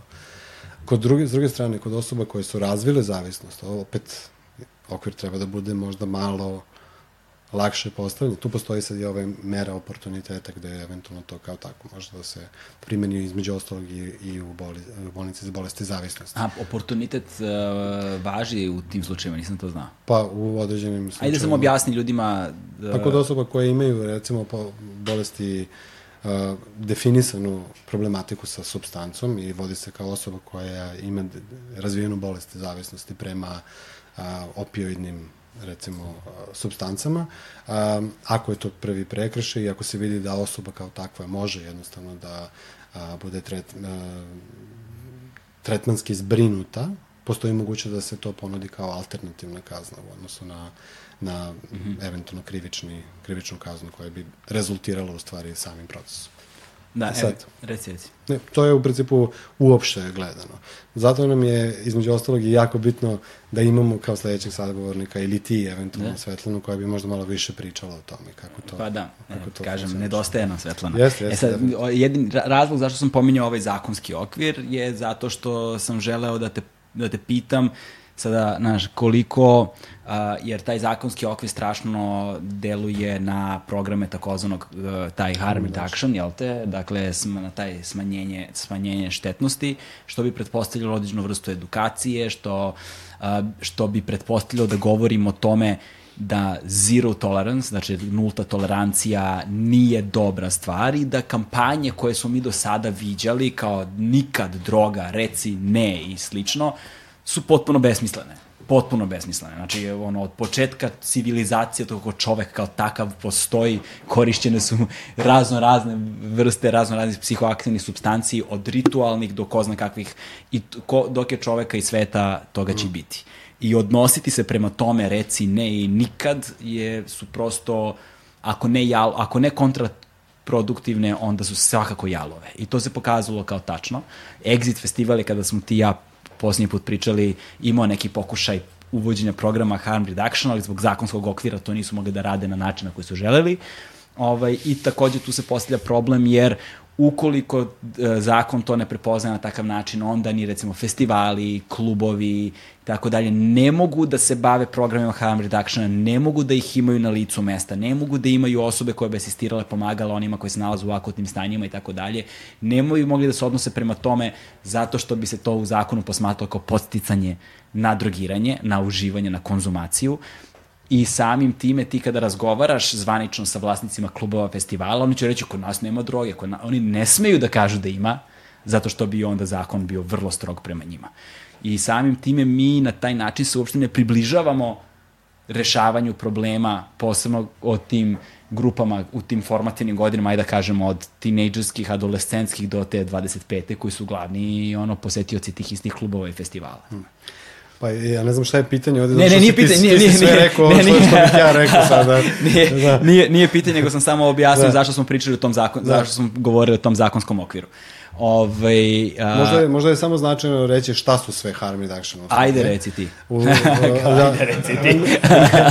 pa ne, da, nego teo sam da, da kažem da nisu sve harm reduction usluge a, ili usluge smanjenja štete a, negativno percipirane od strane javnosti. Da, da, da imamo usluge recimo koje su upravo za populaciju korisnika, intervenosnog korisnika narkotika koji služe za sigurnu razmenu, praktično razmenu sterilnog pribora i špriceva. Osobe koje su iskoristile svoj špric da daće praktično radniku na terenu taj špric, oni će njima vratiti sterilan špric, sterilni pribor za injektiranje, da bi u suštini sprečili prenos tih krvnih bolesti, jel, kao da. što je HIV, AIDS, hepatitis o kojima smo pričali malo pre. To je dalo fantastične rezultate u kontekstu prevencije HIV, AIDS-a i hepatitisa V, a, ali naravno postoji taj odnos društva, jel, prema tome kako ti omogućavaš nekome da nastavi da se drogira, jel. Um, ja sam, ja, ja apsolutno podržavam ovu, ovu uslugu i mislim da je jako, jako korisna a, ona pored toga omogućava rad direktno sa populacijom na terenu, koja je obično skrivena populacija. Oni možda nisu još došli do ustanova gde bi mogli da dobiju tretman. I vi, na, mi možemo da sa njima porazgovaramo ne. i da vidimo koji su zaista problemi, da probamo da odradimo te prve inicijalne skrininge, sa njima, da vidimo gde se zaista nalaze, koji su problemi, na što treba odgovoriti, zašto nisu mogli da dođu do određenih ustanova. Možda nemaju lične karte, možda nemaju zdravstvene knjižice. Da. To treba. To je ono što je u stvari između ostalog ta dodata vrednost na te a, programe smanjenja štete. To su jedni programi. Drugi programi su ovi o kojima si ti sada pričao, recimo. A, to je za, pogotovo na tim dance festivalima, gde postoji mogućnost da se testiraju određeni produkti a, psihoaktivne substance i da se u odnosu na rezultat testa definiše da li je ta substanca uh, ono što si kupio. Ono što si kupio, da, ili u sebi sadrži nešto što ne bi želao da uneseš u sebe. Uh, naš zakon je isto jako definisan po tom pitanju, zato što onog trenutka kad neko tebi da nešto na, na, na proveru, ako tu postoje određeni medicinski stručnjaci i tako dalje, koji će se time da se bave, jednostavno ne bi trebalo da dođe do transfera praktično, to je psihoaktivne substancije, ali ako onog trenutka može da se kaže u suštini da je substanca sadrži ili ne sadrži u sebi to što mm -hmm. osoba želi da sazna, ali prilikom samog vraćanja došlo bi do krivičnog prekršaja. Mm. Tako da tu imamo neke određene probleme vezano za, za to. Um, I mislim da jednostavno država, bar što se tiče programa za um, smanjenje štete, uh, Oni su pročeli između ostalog sa programima globalnog fonda koji su bili osmereni ka HIV AIDS-u, pa su naravno i dotakli tu populaciju intravenosnih korisnika narkotika. Jako je veliki problem bio na početku da se počne sa tim intervencijama. Ali uz veliki pritisak e, nevladinog sektora, uz fantastičnu organizaciju, podršku različitih relevantnih institucija, taj program je funkcionisao i radio je. A, ljudi koji su bili na terenu u inicijalnom tom periodu kad su započeli te programe nisu mogli da shvate zašto se to dešava. Čak ni policija nije mogla da razume zašto se to dešava, ali je postao jedan određeni papir sa kojim su oni zaista mogli da daju definisano objašnjenje policije. Ovo je nešto što je prihvaćeno od strane Ministarstva zdravlja, ovde rade nevladine organizacije, ovo pomaže prevenciji HIV-a i milicija u tom trenutku je bila na njihovoj strani. Da. Ali, kažem, postoji proces koji, kroz koji mora da se prođe da bi došli do željenih rezultata. Ne može nešto na, da. na, ono, na, na blef. E sad, kako izgledaju ti procesi u tvom istraživačkom radu? i u, Pa. u praksi primene vaših programa na prevenciju? Preventivni programi, mi imamo kao UNODC imamo jedan krovni dokument koji se naziva Internacionalni standardi za prevenciju upotrebe substanci psihoaktivnih substanci. Ja, naravno, svaki taj naslov ili bilo šta objašnjavam sada, vidim da se kolege onako smeju, zato što je sve rogobatno i veliko, ali to je u suštini prevod sa engleskog jezika na srpski. A, oni su taj dokument je probao nekako da objedini sve moguće, mi ih nazivamo strategije. To su intervencije, programe i praktične politike koje su dokazane naučno da daju pozitivne efekte u kontekstu prevencije upotrebe psihoaktivnih substanci u određenim starosnim grupacijama i u određenim settinzima, takozvanim, ili određenim okruženjima, recimo školsko okruženje, porodično okruženje, radno okruženje. I tačno znamo koji program radi u kom okruženju za koju starosnu populaciju. A jel možeš sad to da mi Jasno oslikaš primerima? Pa evo recimo imamo program, imamo program, evo počet ću od prve grupacije, to je prenatalni period. U prenatalnom periodu jako je važno da osobe koje su, recimo, žene koje su trudne, one moraju u stvari da, a, da njima je potrebno obezbediti jednu sigurnu sredinu gde je jedan a, nivo stresa koji oni mogu da produkuju zbog recimo socioekonomskih uslova ili neznanja Ili šta znači biti ili pandemije između ostalog ili neznanja šta znači biti roditelj, šta je ono što mene očekuje kada ja kad se porodim ili kada dobijem dete. Biti mlad roditelj je jako problematično i uopšte biti nov roditelj je problematično. Da. Oboje smo iskusili to u skorašnje vreme. Ja sam bio zatečen sa nekim stvarima. Nisam zaista znao ništa, ali probao sam da čitam, da, da shvatim nešto. Sad, razmatramo, na primjer, te programe u kontekstu nekih zemalja gde, koje se tek razvijaju, nemaju mogućnost praktično da dobiju te informacije. I onda znamo da upravo tim trudnicama davanje osnovnih informacija kako da nas, kako da doje kada se porode, gde da se porode, kako im obezbediti krov nad glavom, obezbediti im pelene kasnije kada se porode i reći im da to nije ništa strašno, da je to jedan sastavni deo, jedan ciklus života, jel? Je nešto što je kasnije evaluirano kroz 20 godina praćenja određenih tih kohorta koje su bile izložene takvim intervencijama u odnosu na grupe koje nisu i videlo se da samim tim što smo sprečili taj transfer stresa sa majke na plod, došlo je do određenih pozitivnih efekata u toj grupaciji kasnije u njihovim adolescenskim dobima. Oni su manje zloupotrebljavali ili upotrebljavali ili eksperimentisali sa psihoaktivnim substancijama u odnosu na grupaciju koja koja Da li je, možemo govorimo o nekim e, konkretnim brojkama, procentima? pa mislim brojke su takve da je otprilike oko 30% je manje u toj populaciji što, Što je je što je značajno. statistički značajna informacija jako. A, isto tako znamo da a, sadejstvo različitih programa a, i smanjuje proporcionalno isto mogućnost upotrebe substance u kasnijem nekom vremenskom a, periodu. Tako da imati samo jedan program, taj preventivni kasnije u recimo tom prenatalnom periodu. Kasnije jedan program za tu decu recimo u tom nekom ranoj fazi razvoja gde pokušavamo da omogućimo deci da razviju svoje kognitivne veštine. Jel? Da nauče kako da razmišljaju, kako da pričaju, kako da komuniciraju sa ljudima, da, da jednostavno budu sigurni da su tu u jednoj sigurnoj kući sa To je ono na čemu radi Đoković fondacija. Između ostalog, Između radi, ostalog, da, i različite druge agencije.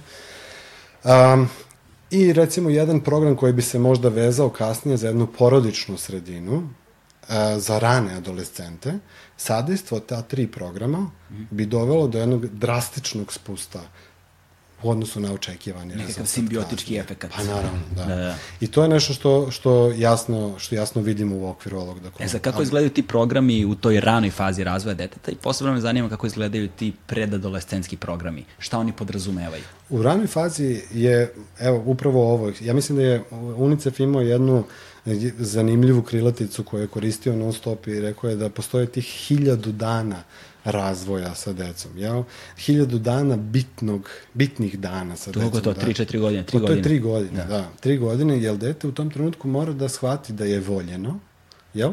i da, da razume da jednostavno a, postoji ta jedna sigurna zona sa svojim roditeljima u svakom pogledu, jel? I to je dovoljno u tom trenutku. Aha, ok. To je dovoljno do treće godine. Uh, programi koji kasnije, recimo, to su jedni od programa. Ima naravno drugi programi koji idu mnogo detaljnije, ja ne bi sad ulazio sad mnogo u to, ali... Nema veze, imamo vremena. Pa, dobro. A osim Ali- ako ga ti nemaš. Ne, ne, imam, nego ne, ne znam da će biti interesantno toliko slušalcima. Samo ti priči. Ovaj, imamo programe koji su, recimo, programi za, ra, za predškolski period i to su peri, programi koji omogućavaju da se dostignu te razvojne karakteristike dece u tom trenutku. To je recimo do sedme godine, od treće do sedme godine. I šta je tu bitno? Da deca nauče u stvari da, da, im, da budu, um, da nauče šta je u stvari um, komunikacija i socijalizacija sa, drugoj, sa drugom decom, da ne budu izložena a, no, nekim frapantnim momentima, a, kako bih rekao, otuđenja od svojih roditelja, nego da to mora da bude jedan postepen proces i da razumeju da jednostavno oni su tu za njih uvek, da postoje određene granice, ali da postoji uvek ljubav koja je prisutna od strane strane roditelja za njih i znaju da prosto to je to i da samopoštovanje to je nešto što polako, ali sigurno počinje da bude sve više i više prisutnije u stvari a, u tom, u tom nekom periodu. Samo poštovanje samo, koje di- direktno utiče na samopouzdanje. Da, da, jasno. E sad, da. ali to su sve konkretni rezultati koji treba da se postignu, ljubav, samopouzdanje i tako dalje, ali kako izgledaju konkretni programi na putem kao, kao, kao mehanizmi kojima se to postiže kao rezultat? Pa recimo, evo imamo jedan program, evo sad ću ti reći, recimo jedan program, a, zove se program a, razvoja dobrih osobine ili a, dobrog ponašanja. I on se praktikuje kod dece koje su u ranoj fazi integracije u školski sistem. Od prvog do petog razreda osnovne škole. To su programi, a, na engleskom se nazivaju Good Behavioral Game. To su programi kroz kroz jednu specifičnu igru sa decom. Vi ne možete deci da pristupite i da kažete, slušaj, sad moramo ovako, ovo su informacije, si čuo, reci mi što da ponovi i tako dalje. Već jedan taj interaktivni pristup, jedna ta dinamika mora da postoji u stvari sa decom, gde ćemo mi u stvari kroz jednu igru da probamo da motivišemo određenu grupaciju, recimo učenika u osnovnom, u razredu jedne osnovnog, osnovne škole, da a, pratiće određene definisane da definisana pravila da oni u stvari probaju da se takmiče sa drugom grupom u samom odeljenju, ko će više puta da se javi da odgovori recimo na času matematike ili, srbi, ili srpskog ili geografije ili istorije, nebitno, a, i da na taj način u stvari isprate određene definisane a, onako preporuke. Mm -hmm. A, ono što je prikazano da kroz takvu neku igru, naravno postoji taj kompetitivni duh uvek između dece, jel? I onda kaže mi smo bili bolji, ovi su bolji, ovi su se više puta javili i tako dalje. Ali na kraju krajeva kad pogledate 45 minuta, vi ste imali jednu tišinu u sobi, Imali ste dve grupacije koje se takmiče non stop, slušali su sve vreme šta priča nastavnica matematike, javljali su se i davali su dobre informacije ili eventualno postavljali prava pitanja i ono što je značajno u svemu tome, kada se pogleda njihov efekat kasnije, recimo nakon godinu dana implementacije tih programa, vidimo, na primjer, da ta deca imaju bolje a, akademska dostignuća. Da recimo taj razred je bolji recimo iz matematike i prosečna ocena je recimo 4,3 u odnosu na drugi razred gde je prosečna ocena recimo 3,5. I to je nešto što je, nama je taj, taj protektivni faktor, to akademsko dostignuće bitno u kontekstu prevencije. Mi to želimo da ostvarimo. Mi želimo da ostvarimo da ta deca budu a, privržena školi, da budu u školskom sistemu i da vole da idu u školu. I to je prava prevencija u tom smislu, jer vi, mi omogućavamo njima da zaista ostvare svoje a, Da škola ne bude izvor stresa i frustracije. Tako je. To je, na primjer, Imali jedan smo podcast o kojem smo govorili skoro baš Pa na da. tu temu. E, pa da. Problemu obrazovnog sistema Da. u kojem živimo danas. Tako da to je jedan program koji se, koji se vezuje za recimo tu ranu uh, edukaciju od prve do petog. Od petog već pa nadalje ulazimo u onu radnu adolescenciju. Mm. Tu su programi koji a, počinju polako da pričaju o psihoaktivnim substancijama. Ako razmatramo uopšte problematiku preventivnih programa mm. vezano za substance, Samo sekund. ali vrlo kratko. Samo se jel oni postoje danas u školama? Postoje. Mislim, mi, mi kad smo išli u škole, toga nije bilo. Da. Ja se ne sjećam da je iko ikada nama došao bilo što da kaže. Sve što sam saznao o drogama, saznao sam na ulici. da.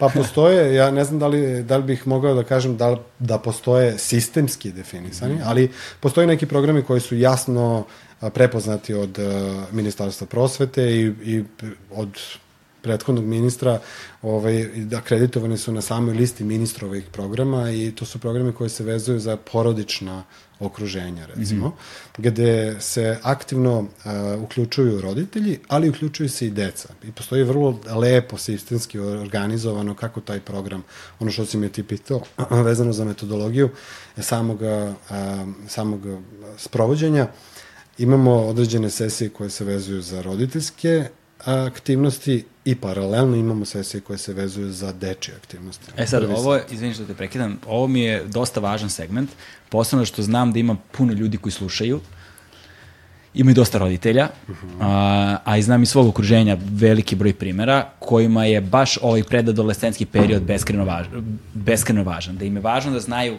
kako oni da se odnose prema sebi, kako da razumeju informacije, mm -hmm. gde da saznaju te informacije, kome da se jave ako treba da se jave, kako da komuniciraju sa svojim detetom i tu da, naved, da razdvojimo dve stvari. Jedna, la, lakše ćemo sa onima koji su imali ove simbiotski vezano dve prethodne faze, jel te, prednatalnu i ovu, i oni koji su ispušteni iz toga segmenta, koji su došli pred svršan čin u ovoj fazi. Ne znam koliko baš ima tih grupacija roditelja koji su imali taj simbiotski efekt, da. iskreno, ali to je nešto što bi ja zaista volao da vidim, da je jednostavno jedna grupacija, jedna generacija dece stasa sa različitim preventivnim programima i da na svakom nivou bude onako, ja bih rekao, zatvorena, da mm. eventualno u nekim situacijama zna koji su pravi odabiri. I to je to. Mi nećemo sprečiti upotrebu substance, definitivno. To je nešto što, mislim, ja ne zaluđujem se tom idejom, naravno. Da, da. Ali ćemo da omogućimo deci da a, i ponudit ćemo zdrav, recimo zdravu alternativu ili neki izbor koje deca misle da je bolje mm. u tom trenutku. To je ono što je, što je poenta. Odgođenje. Jesam, kako, kako to izgleda? Um, pa, um, što se tiče samih programa, ovaj, tih porodičnih programa, oni su, oni se mogu naravno sprovoditi u lokalnoj zajednici, mogu se sprovoditi u mesnoj zajednici, kako bih rekao, mogu se sprovoditi u školskom sistemu, gde god postoji određena grupacija roditelja koja bi želela sa svojim decom, starosti od recimo 10 do 14 godina, pošto je to ta rana adolescencija, mm -hmm. da učestvuje u jednom kontinuiranom treningu koji traje 4 do 7 nedelja i to nedeljno 2 do 3 sata, ne više od toga. Dobro. To je program. To je to.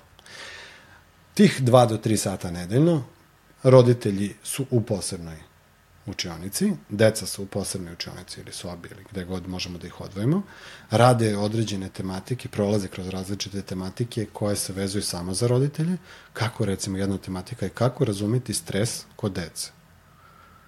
Šta je to, kako deca misle, recimo, da vi doživljavate stres.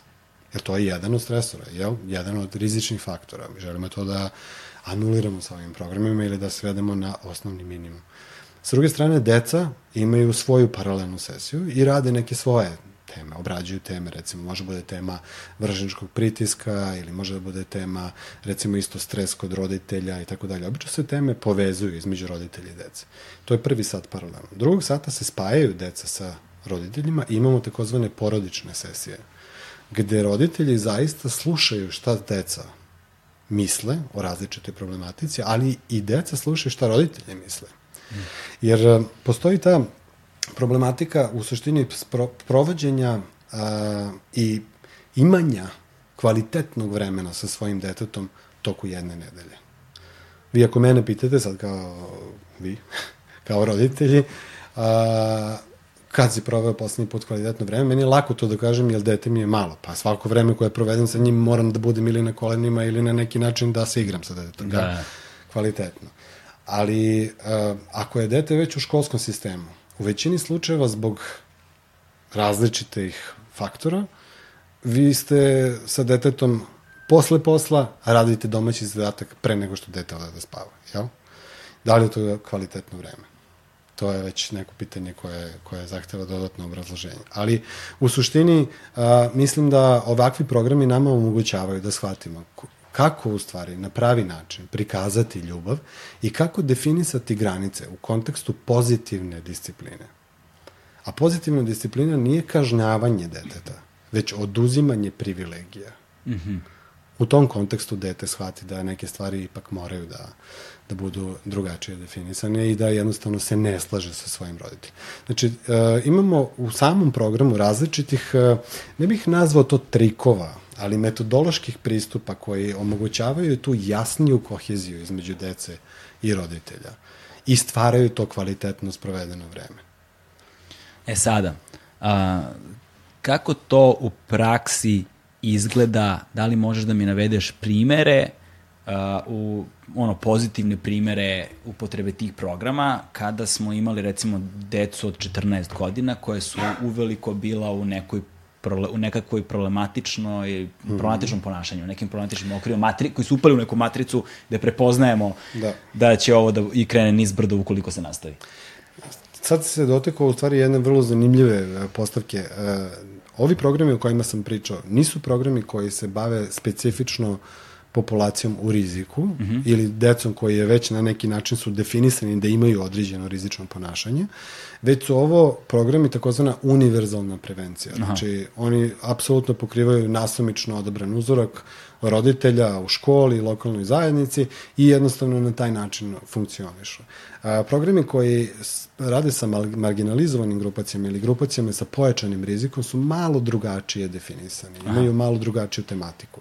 Mi imamo jedan kao takav program skoro napravljen naziva se Jake porodice i on je upravo za porodice koje a, odrastaju u tim socijalno ugroženim, a, socioekonomsko ugroženim sredinama Jedna od uh, tih grupacija koje su zanimljive za nas mogu da budu u kontekstu Srbije i regiona, recimo romske populacije, ili eventualno migranti ili izbeglice koje trenutno a, prolazi ili tranzituju kroz, kroz Srbiju.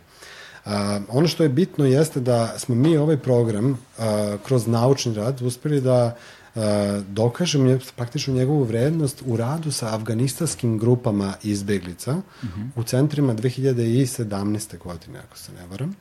Um, vrlo kratak program. Dve nedelje traje po istom sistemu koji sam malo pre objasnio, paralelno roditelji, deca, kasnije porodična sesija. Dve nedelje, ne više od toga, uz pomoć naravno prevodjaca. I mi smo u odnosu na grupaciju koja nije prošla kao kontrolna grupa, jasno definisali vrednost ovog programa. Videli smo da su deca u svakom pogledu imali taj smanjeni nivo stresa Mm -hmm. Da jednostavno su se drugačije od, ponašali prema roditeljima. Nivo stresa je jako visok, naravno kod izbeglica i kod osoba koje su trenutno u toj problematici i to je u stvari efekat ovog programa. Mi želimo to da smislimo, da spustimo na jedan uh, normalan nivo i želimo u stvari da dobijemo povratnu informaciju od dece. Da li deca u stvari sada bolje i brže i na pravi način komuniciraju sa svojim roditeljima, razumejući zašto su njihovi roditelji toliko nervozni zbog situacije, naravno, koje trenutno jesu. I ovi programi kao takvi su dali zaista veliki rezultat. Mi u ovom programu možda ne pričamo o psihoaktivnim substancama, a radimo sa, sa populacijama od 10 do 14 godina. Ne moraju nužno svi programi koji su preventivni programi u kontekstu prevencije hmm. upotrebe substanci zaista da govore o samoj substanci. Bitno je da nagradimo te nekako preventivne faktore, mm -hmm. to je odbrambene veštine kod različitih uh, individua, dece, porodice. Da, zapravo, zapravo se govori tu o implementaciji, odnosno uspostavljanju i sticanju veština kako da razviješ sebe i ukoliko to desi, se to desi, onda ti zapravo sebe udaljavaš od bilo kakve prirode rizičnog ponašanja, bilo da su to psihoaktivne substance ili šta god drugo u da. životu daje. Znači, to je širi kontekst jako od samo... Jako široko, da, jako da. široko. Imali smo, imamo i druge programe koji se trenutno sprovode a, u regionu, to su programi za takozvane socijalno-emotivne veštine. Mm -hmm. To je super što si spomenuo, zato što si me sad u principu podsjetio da pričam i o tome. da, jer to su programi koji se isto ne, usmeravaju ka ranoj adolescentskoj uh, fazi a, i periodu odrastanja, ali koji govore upravo o tim najosnovnim socijalnim i emotivnim veštinama. Kako razumeti, kako, socijal, kako se socijalizirati u stvari, kako se povezati sa svojim vršnjacima, nadgradnja tog samopoštovanja a, i koji koji su momenti, mogućnosti u tom smislu a, da se prepoznaju kroz program. A, koji, na koji način, mi u samom programu imamo osam različitih oblasti, praktično predavanja, ali interaktivnih predavanja. Mm -hmm. Znači, ništa od toga nije ex katedra, u smislu neko sedi, priča, deca slušaju i gledaju, nego sve je kroz igru, jako širok program, 40 sesija traje, znači to je uh, dve školske godine skoro. Uje. I to je jako bitno, zato što je dugo vremena, u stvari, na radaru deci. I non stop se nešto priča sa njima o da. tome. Da. I oni, na, oni uče u suštini kako da komuniciraju sa, sa drugima, kako da komuniciraju sa, sa svojim vršnjacima, kako da spreče i da smanje nasilje u grupaciji u kojoj trenutno obitavaju, kako a, ti, ti programi kao takvi su dokazani u kontekstu pojačanja tih akademskih veština i akademskih dostignuća a, i sve su to protektivni faktori. Nama je bitno jako da omogućimo normalan razvoj dece u tom trenutku, jel? Mm. I, I naravno neke osnovne informacije vezane za psihoaktivne substance, ali vezano za nešto što mi nazivamo normativna ubeđenja. Normativno ubeđenje jeste nešto što je a, jako interesantno u kontekstu prevencije. Zašto? Zato što ako ja sad u ovom trenutku mislim, ako sam ja vršnjak koji je recimo, mi ja i ti smo recimo u osnovnoj školi, sedmi razred, jel? Da. I mi kažemo, svi osmaci, 80% osmaka konzumira alkohol, recimo. Alkohol. Bože, to je da. slučaj. da, 80. Svi. Mi ćemo da. kažemo, ma svi. Da, svi rade. Svi ja? piju. Svi da. piju ili svi, ne znam, ono, duvaju ili da, tako da, nešto. Moram na maturskoj da. večeri da pijem ja. Pa, da, recimo, nešto. da. I sad, postoji nešto što je relevantan podatak, jel? Nešto što je izašlo iz istraživanja, što je zasnovano na dokazima, na naučnoj literaturi.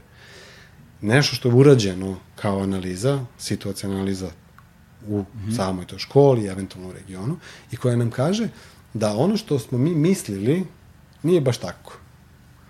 Ako nije 80%, nego je 27%, mm -hmm. se mi varamo, mi smo subjektivni, jer mi smo u toj grupaciji gde su svi oko nas i mislimo da svi bio. Ali ono što se dobija praktično iz toga istraživanja nam kaže da je nekada i tri puta manje u stvari ta mogućnost ili zaista realno konzumiranje tih substanci. I onda razbijanje tih ubeđenja dece, da u stvari situacija zaista nije takva, nego da. je u suštini ovakva ili nalazi se negde u sredini, ali nije sigurno to što vi mislite, jeste između ostalog jedna jedna vrsta prevencije u tom smislu. Tako da, taj veliki program socijalno-emotivnih veština je zaista sastavljen od različitih veština. Mm. Jako bitno koristiti tu reč, veštine. To nije znanje, samo znanje. Znanje vi možete da imate, ja mogu da naučim mnogo od tebe sada Da. I ja ću verovatno tvojom kolegi da ispričam to sutra. Za 5 dana, 15 dana, 20 ćemo ispričati 30% onoga što si mi rekao, ali znam da znam o tome nešto. Da, da, da. Ali veština mi je označava, praktično povezuje me sa mogućnošću upotrebe tog znanja. I to je ono što jeste bitna karakteristika ovih programa. E sada, ko su osobe koje vrše tu edukaciju ili te radionice sticanja veština? Znači, da, to su verovatno neke osobe koje prolaze nekakve obuke Da. Vrlo specifične osobe, vrlo, znaš, gde, gde njih nalazite, ko su ti ljudi, koliko ih ima.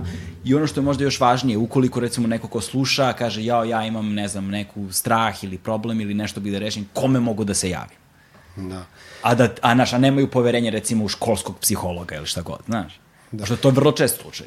Pa mi kao kancelarija radimo uvek sa relevantnim ministarstvima. Ministarstvo unutrašnjih poslova za, za jedan segment našeg posla, Ministarstvo zdravlja, Ministarstvo prosvete za drugi. Za programe prevencije koje se sprovode u školskom sistemu, naravno da su nam Ministarstvo prosvete, nam je on, prirodno partner. Jel? Da, da. Uh, oni su ti koji uh, nominuju osobe mm -hmm. koje, koje treba da, da učestvuju u samom programu da. i oni su ti koji uh, praktično omogućavaju dalje sprovođenje tog programa. Naravno, to prolazi kroz ceo proces odobrenja materijala, programa, metodologije rada i tako dalje. Ne možemo da krenemo sa jednim programom, tek tako mi mislimo da je dobar, evo izvolite. Da, da, da. Naravno, postoje osobe koje moraju da procene da je taj program kao takav ima svoju vrednost. A, I onda na kraju kada je kada kad prođemo taj ceo proces integracije programa u sistem, onda obično u većini slučajeva mi pilotiramo tu intervenciju. Što znači da je oprobavamo, pokušavamo u suštini da kroz sam pilot projekat i adekvatno istraživanje, dokažemo vrednost na naučnoj bazi te intervencije i na taj način u stvari razvijamo argumentaciju. Mm -hmm. I kažemo, sad znamo da naučno ovaj program na lokalnom nivou daje rezultate. Da. Nije nešto što mi mislimo ili znamo. Iako se to potvrđuje iz internacionalnih standarda, ali uvek dobro imati lokalno evaluiran program koji zaista daje rezultate. Koji daje I... rezultate specifične za ovaj region. Tako je. E tako sada, uh, rekao si mi, na primjer, da u programu u prednatalnoj fazi, odnosno prenatalnoj fazi, su pokazali vrlo konkretan rezultat od 30 pro, u brojkama recimo 30 procenata uh, u ono adolescentskom i kao zrelom periodu kao ne ulaze u te rizično ponašanje ili imaju te dobro informisane odluke koje donose i tako dalje. Da li postoje takve konkretne brojke za predadolescenski period? Za, za predadolescenski period postoje, da. Jedan od tih je ovaj a, program koji se bavi tim a, dobrim a, modelima ponašanja, ovaj koji je program iz škole koji se naziva Good Behavior Game i American Institute for Research ili AIR, AIR, da. AIR kao, a, je institut koji je jasno definisao u stvari efekte tog programa i to može da se pronađe, to nije nikakav, A koji su rezultati? problem. Pa rezultati su u kontekstu praćenja jeste da on baš, uh, pored toga što naravno deca imaju smanjeni, uh, smanjeni nivo nasilja između samih vršničkih grupacija, grupacija, bolju povezanost sa školam, a, imaju, kažem, bolje akademske dostignuća, ali u kontekstu upotrebe same psihoaktivne substance, negde oko 20% manje u okviru grupacije koja je bila izložena tom programu, možemo videti da u kasnijem dobu a, ta grupacija manje, naravno, a, konzumira a, za Srbiju? substance. Za, za Srbiju mi nismo imali taj program do sada, u preadolescenskom periodu, a, ali i drugi programi koji se sprovode ovde od strane različitih agencija, od UNICEF-a, od mm -hmm. nekih drugih UN agencija i eventualno određenih fondacija, oni isti kao takvi naravno mm -hmm. definišu određene protektivne faktore. Tako da, a ja verujem da bi bilo kakva analiza tih grupacija koje su prošle kroz taj program dala dobar rezultat. Um, što se tiče ovih drugih programa koje smo mi radili vezano za socijalno-emotivne veštine, mm -hmm. program koji je za ranu adolescenciju, 10 do 14 godina, za njih znamo apsolutno da čak u periodu od 10 do 14, da u periodu od dve godine implementacije u toj grupaciji od 10 do 14 godina, grupacija koja je izložena programu u odnosu komparativno na grupaciju koja nije imala nikakav kontakt sa samim programom. Što bismo mogli da kažemo opšta populacija. pa recimo, da, da, da, to da. se radi, radi, kontrolna grupa je u istoj školi. Aha, Tako okay. da postoji otprilike pozitivna kontaminacija uzorka zato što oni moraju da pričaju na, da, da, na samom da. velikom odmoru. Jel, šta god, da, da, druže da, se prosto. Ali da. ne čuju nikakve teme programa. Pazi, pazi izraz, pozitivna kontaminacija. da. Ajde. Ovaj, a, da u tom kontekstu vidimo, na primjer, da kod grupacije koja je bila izložena programu, vidimo jasni pokazatelj vezano za upotrebu same substance i tu smo tri substance evaluirali. Jedna je bila kanabis, druga je bila nikotin mm -hmm. i treća je bila alkohol. Zato što su to tri najprevalentnije substance, najprisutnije jel, u toj mlađoj populaciji. I videli smo statistički značajne pokazatelje da se upravo kod ove grupacije to drastično smanjuje. I to za nekih otprilike 15%. Pozitivni, tačnije, negativni trendovi kod tih grupacija u adolescentskom dobu su očekivani, jel? Da. Znači, vi ako vidite da mi ovo polazna osnova ovde i da smo mi došli ovde, ovako, otprilike nekih možda 15 stepeni više u odnosu na početnu dobu, to je sasvim normalan trend, zato što adolescenti počinju tek da eksperimentišu. Da. Ali ako se taj trend zadrži ili polako opada na dole u odnosu na kontrolnu grupu koja je trend skače, to je ono što nama daje pozitivan efekt samog programa, daje nam te informacije o tome. Tako da ima tu dosta analize. Ja, ja bih rado podelio sa tobom sve te podatke, ako hoćeš možda ih postaviš u, u, ovaj, u, opisu, u info, u da, opis. Ti, ti ćeš mi pošalješ linkove, ja ću da ih stavim u opis videa, da. pa sve koje zanima mogu da pogledaju sami da, da, da. da, da, da, se, da se informišu. Da. E sada, da uđemo polako u finalni deo razgovora a, i da pomenjem, pričam, pri, pričamo o tim preven, preventivnim programima, govorimo, govorili smo puno o stresu i uh mhm. -huh. sad u aktuelnoj ovoj situaciji vi ste imali online publikaciju koja se bavila problemom stresa a, ovaj, u vreme COVID-a. Tako je. I to je upravo publikacija koja je napravljena za roditelje. E. prevedeno na srpski jezik. Izvinite, jer sam imao baš podcast, smo skoro snimali, gde je Dejan Ilić iz Fabrike knjiga govorio kako za, i zašto u školama ne, i roditelji i prosvetni radnici ne komuniciraju sa decom ovaj stres koji će de facto ostaviti posledice po nas, ono, ovakve ili onakve. Pa ja, ja ne znam uh, na, na kom uzorku je to uh, zaključeno, iskreno, da Ne, ne, ne, komuniciraju, da, ali mi smo populaciju podelili sa Ministarstvom prosvete i Mhm. ja verujem da je to podeljeno kroz njihov sistem ove, informisanja. A, ono što a, je s druge strane problematika, to jeste da li roditelji razumeju korisnost takvih instrumenta ili takvih publikacija. A, nažalost, e, neki roditelji su zaista okupirani svojim poslom, problemima u životu i tako dalje, tako da nekako nekada ih i ne interesuje to, ali da postoji, postoji. Postoji definisano i drugih agencija, ali mi se specifično bavimo ovim stresorima zato što su posmatrani iz te perspektive kao recimo a, rizični faktori koje treba zaista a, obuzdati ili na neki način a, smanjiti na željeni nivo. I šta kaže online publikacija? A online publikacija jasno definiše šta raditi u situacijama a, koje su a, vezane za COVID, a obično govorimo o situacijama koje su a, situacije zatvaranja ili takozvanog lockdowna, a, kako razumeti u stvari decu, zašto deca mogu da imaju neke određene ispade i kako treba reagovati pozitivno prema tim ispadima. Možda mi navedeš primjere, oslikaj mi nekim primjerima. Pa recimo deca imaju u tim trenucima a, ono takozvane tantrum, Mhm. I kako se u stvari kako deci u stvari objasniti ili kako roditelji mogu da razumeju da su to apsolutno normalne situacije koje se dešavaju u tako, takvim situacijama pojačanog rizika. Jer to roditelji ne razumeju i obično reaguju negativno na to. I onda se ta situacija nekako ipak počinje polako, ali sigurno da eskalira do trenutka svađe. Da. Mi to želimo da zaobiđemo, zaista kroz ovo.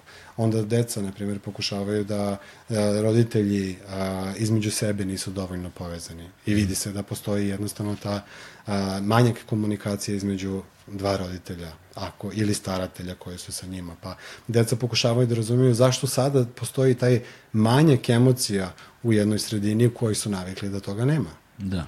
I ta publikacija na taj način to objašnjava. Imamo, ta publikacija će naravno isto tako biti podeljena kod tebe u, Da. a, kroz u opis kasnije. A, imamo nekoliko publikacija koje se vezuju isto za COVID, ali za recimo tretman korisnika narkotika, kako zdravstvene usla, ustanove treba da se odnose prema samoj a, prema samim klijentima u ovom a, procesu pojačane povećanog stresa a, i jednostavno jedne definisane situacije kada nikad niko u životu nik, ni mogo da je opiše do, to, do tog trenutka. Kako je COVID uticao na prodaju, distribuciju, krijumčarenje droge?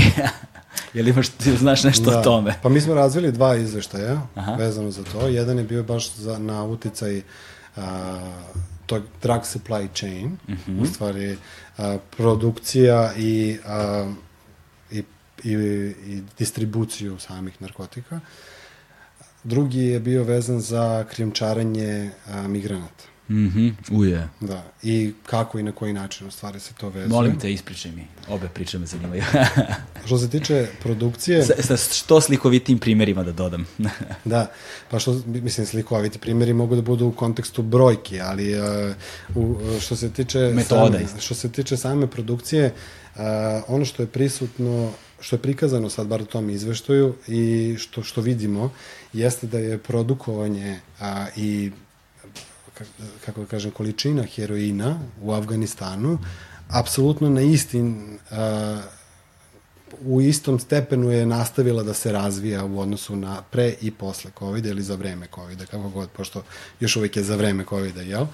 Um, ali ono što je problem jeste da je a, trafikovanje ili distribucija upravo tog a, produkovanog heroina problematična. Mm -hmm. Zato što su se određene rute a, ja bih rekao um, na neki način promenile. Uh, ono što vidimo, na primjer, da Balkanska ruta kao takva i dalje ostaje jako značajna i da jednostavno vidimo da je promet heroina tu, ali u tim prvim fazama covid recimo od marta do uh, juna, uh, u nekim određenim zemljama centralne Evrope i uh, rekao ih možda zapadne Evrope, a, primećuje se u stvari trend da je došlo do a, smanjenja čistoće samog heroina, zato što je nije evo, mogući transport heroina od Afganistana do zapadne Evrope. A, u toj meri kako je bilo pre COVID-a, jel? A, s jedne strane, sa druge strane primećujemo da je cena heroina recimo porasla uh -huh. u određenim delovima delovima a, zapadne Evrope. A, cena kanabisa je porasla i to se pri, prikazuje se, na primjer, veća potražnja za kanabisom u našim zemljama u regionu u Severnoj Makedoniji. Uh, u odnosu na druge zemlje, recimo, više istaknuto. Um, ono što je uh, značajno je da se praktično grupacije koje krijumčare narkotike, krijumčare naravno i, i trafikuju, kako bi rekli engleski, uh, migrante i izbeglice i uh, prikazuju se sada da jednostavno pre covid i posle covid i dalje vidimo da je balkanska ruta po pitanju krijumčarenja aktivna. Iako, je, iako su granice, iako je saobraćaj između različitih zemalja smanjen.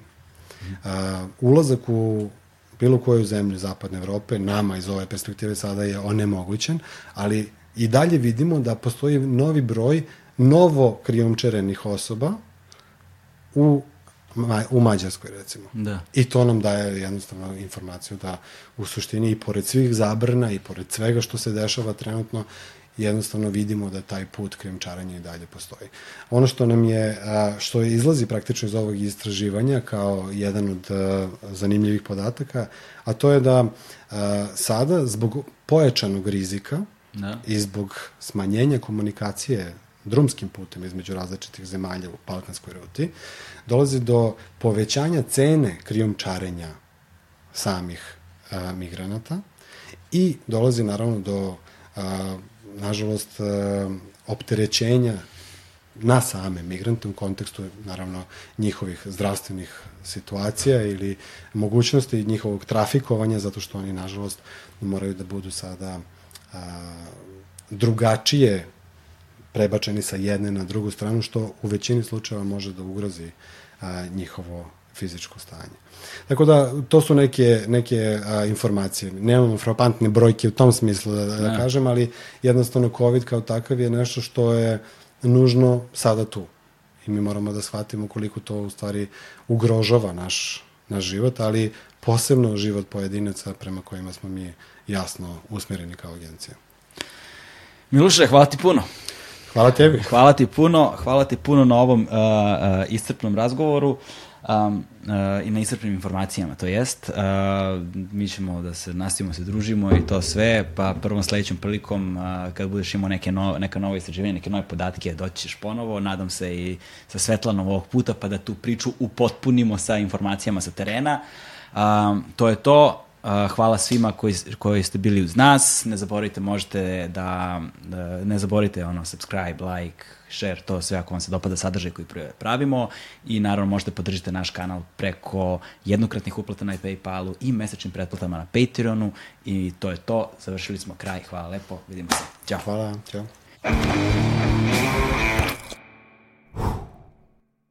Hmm.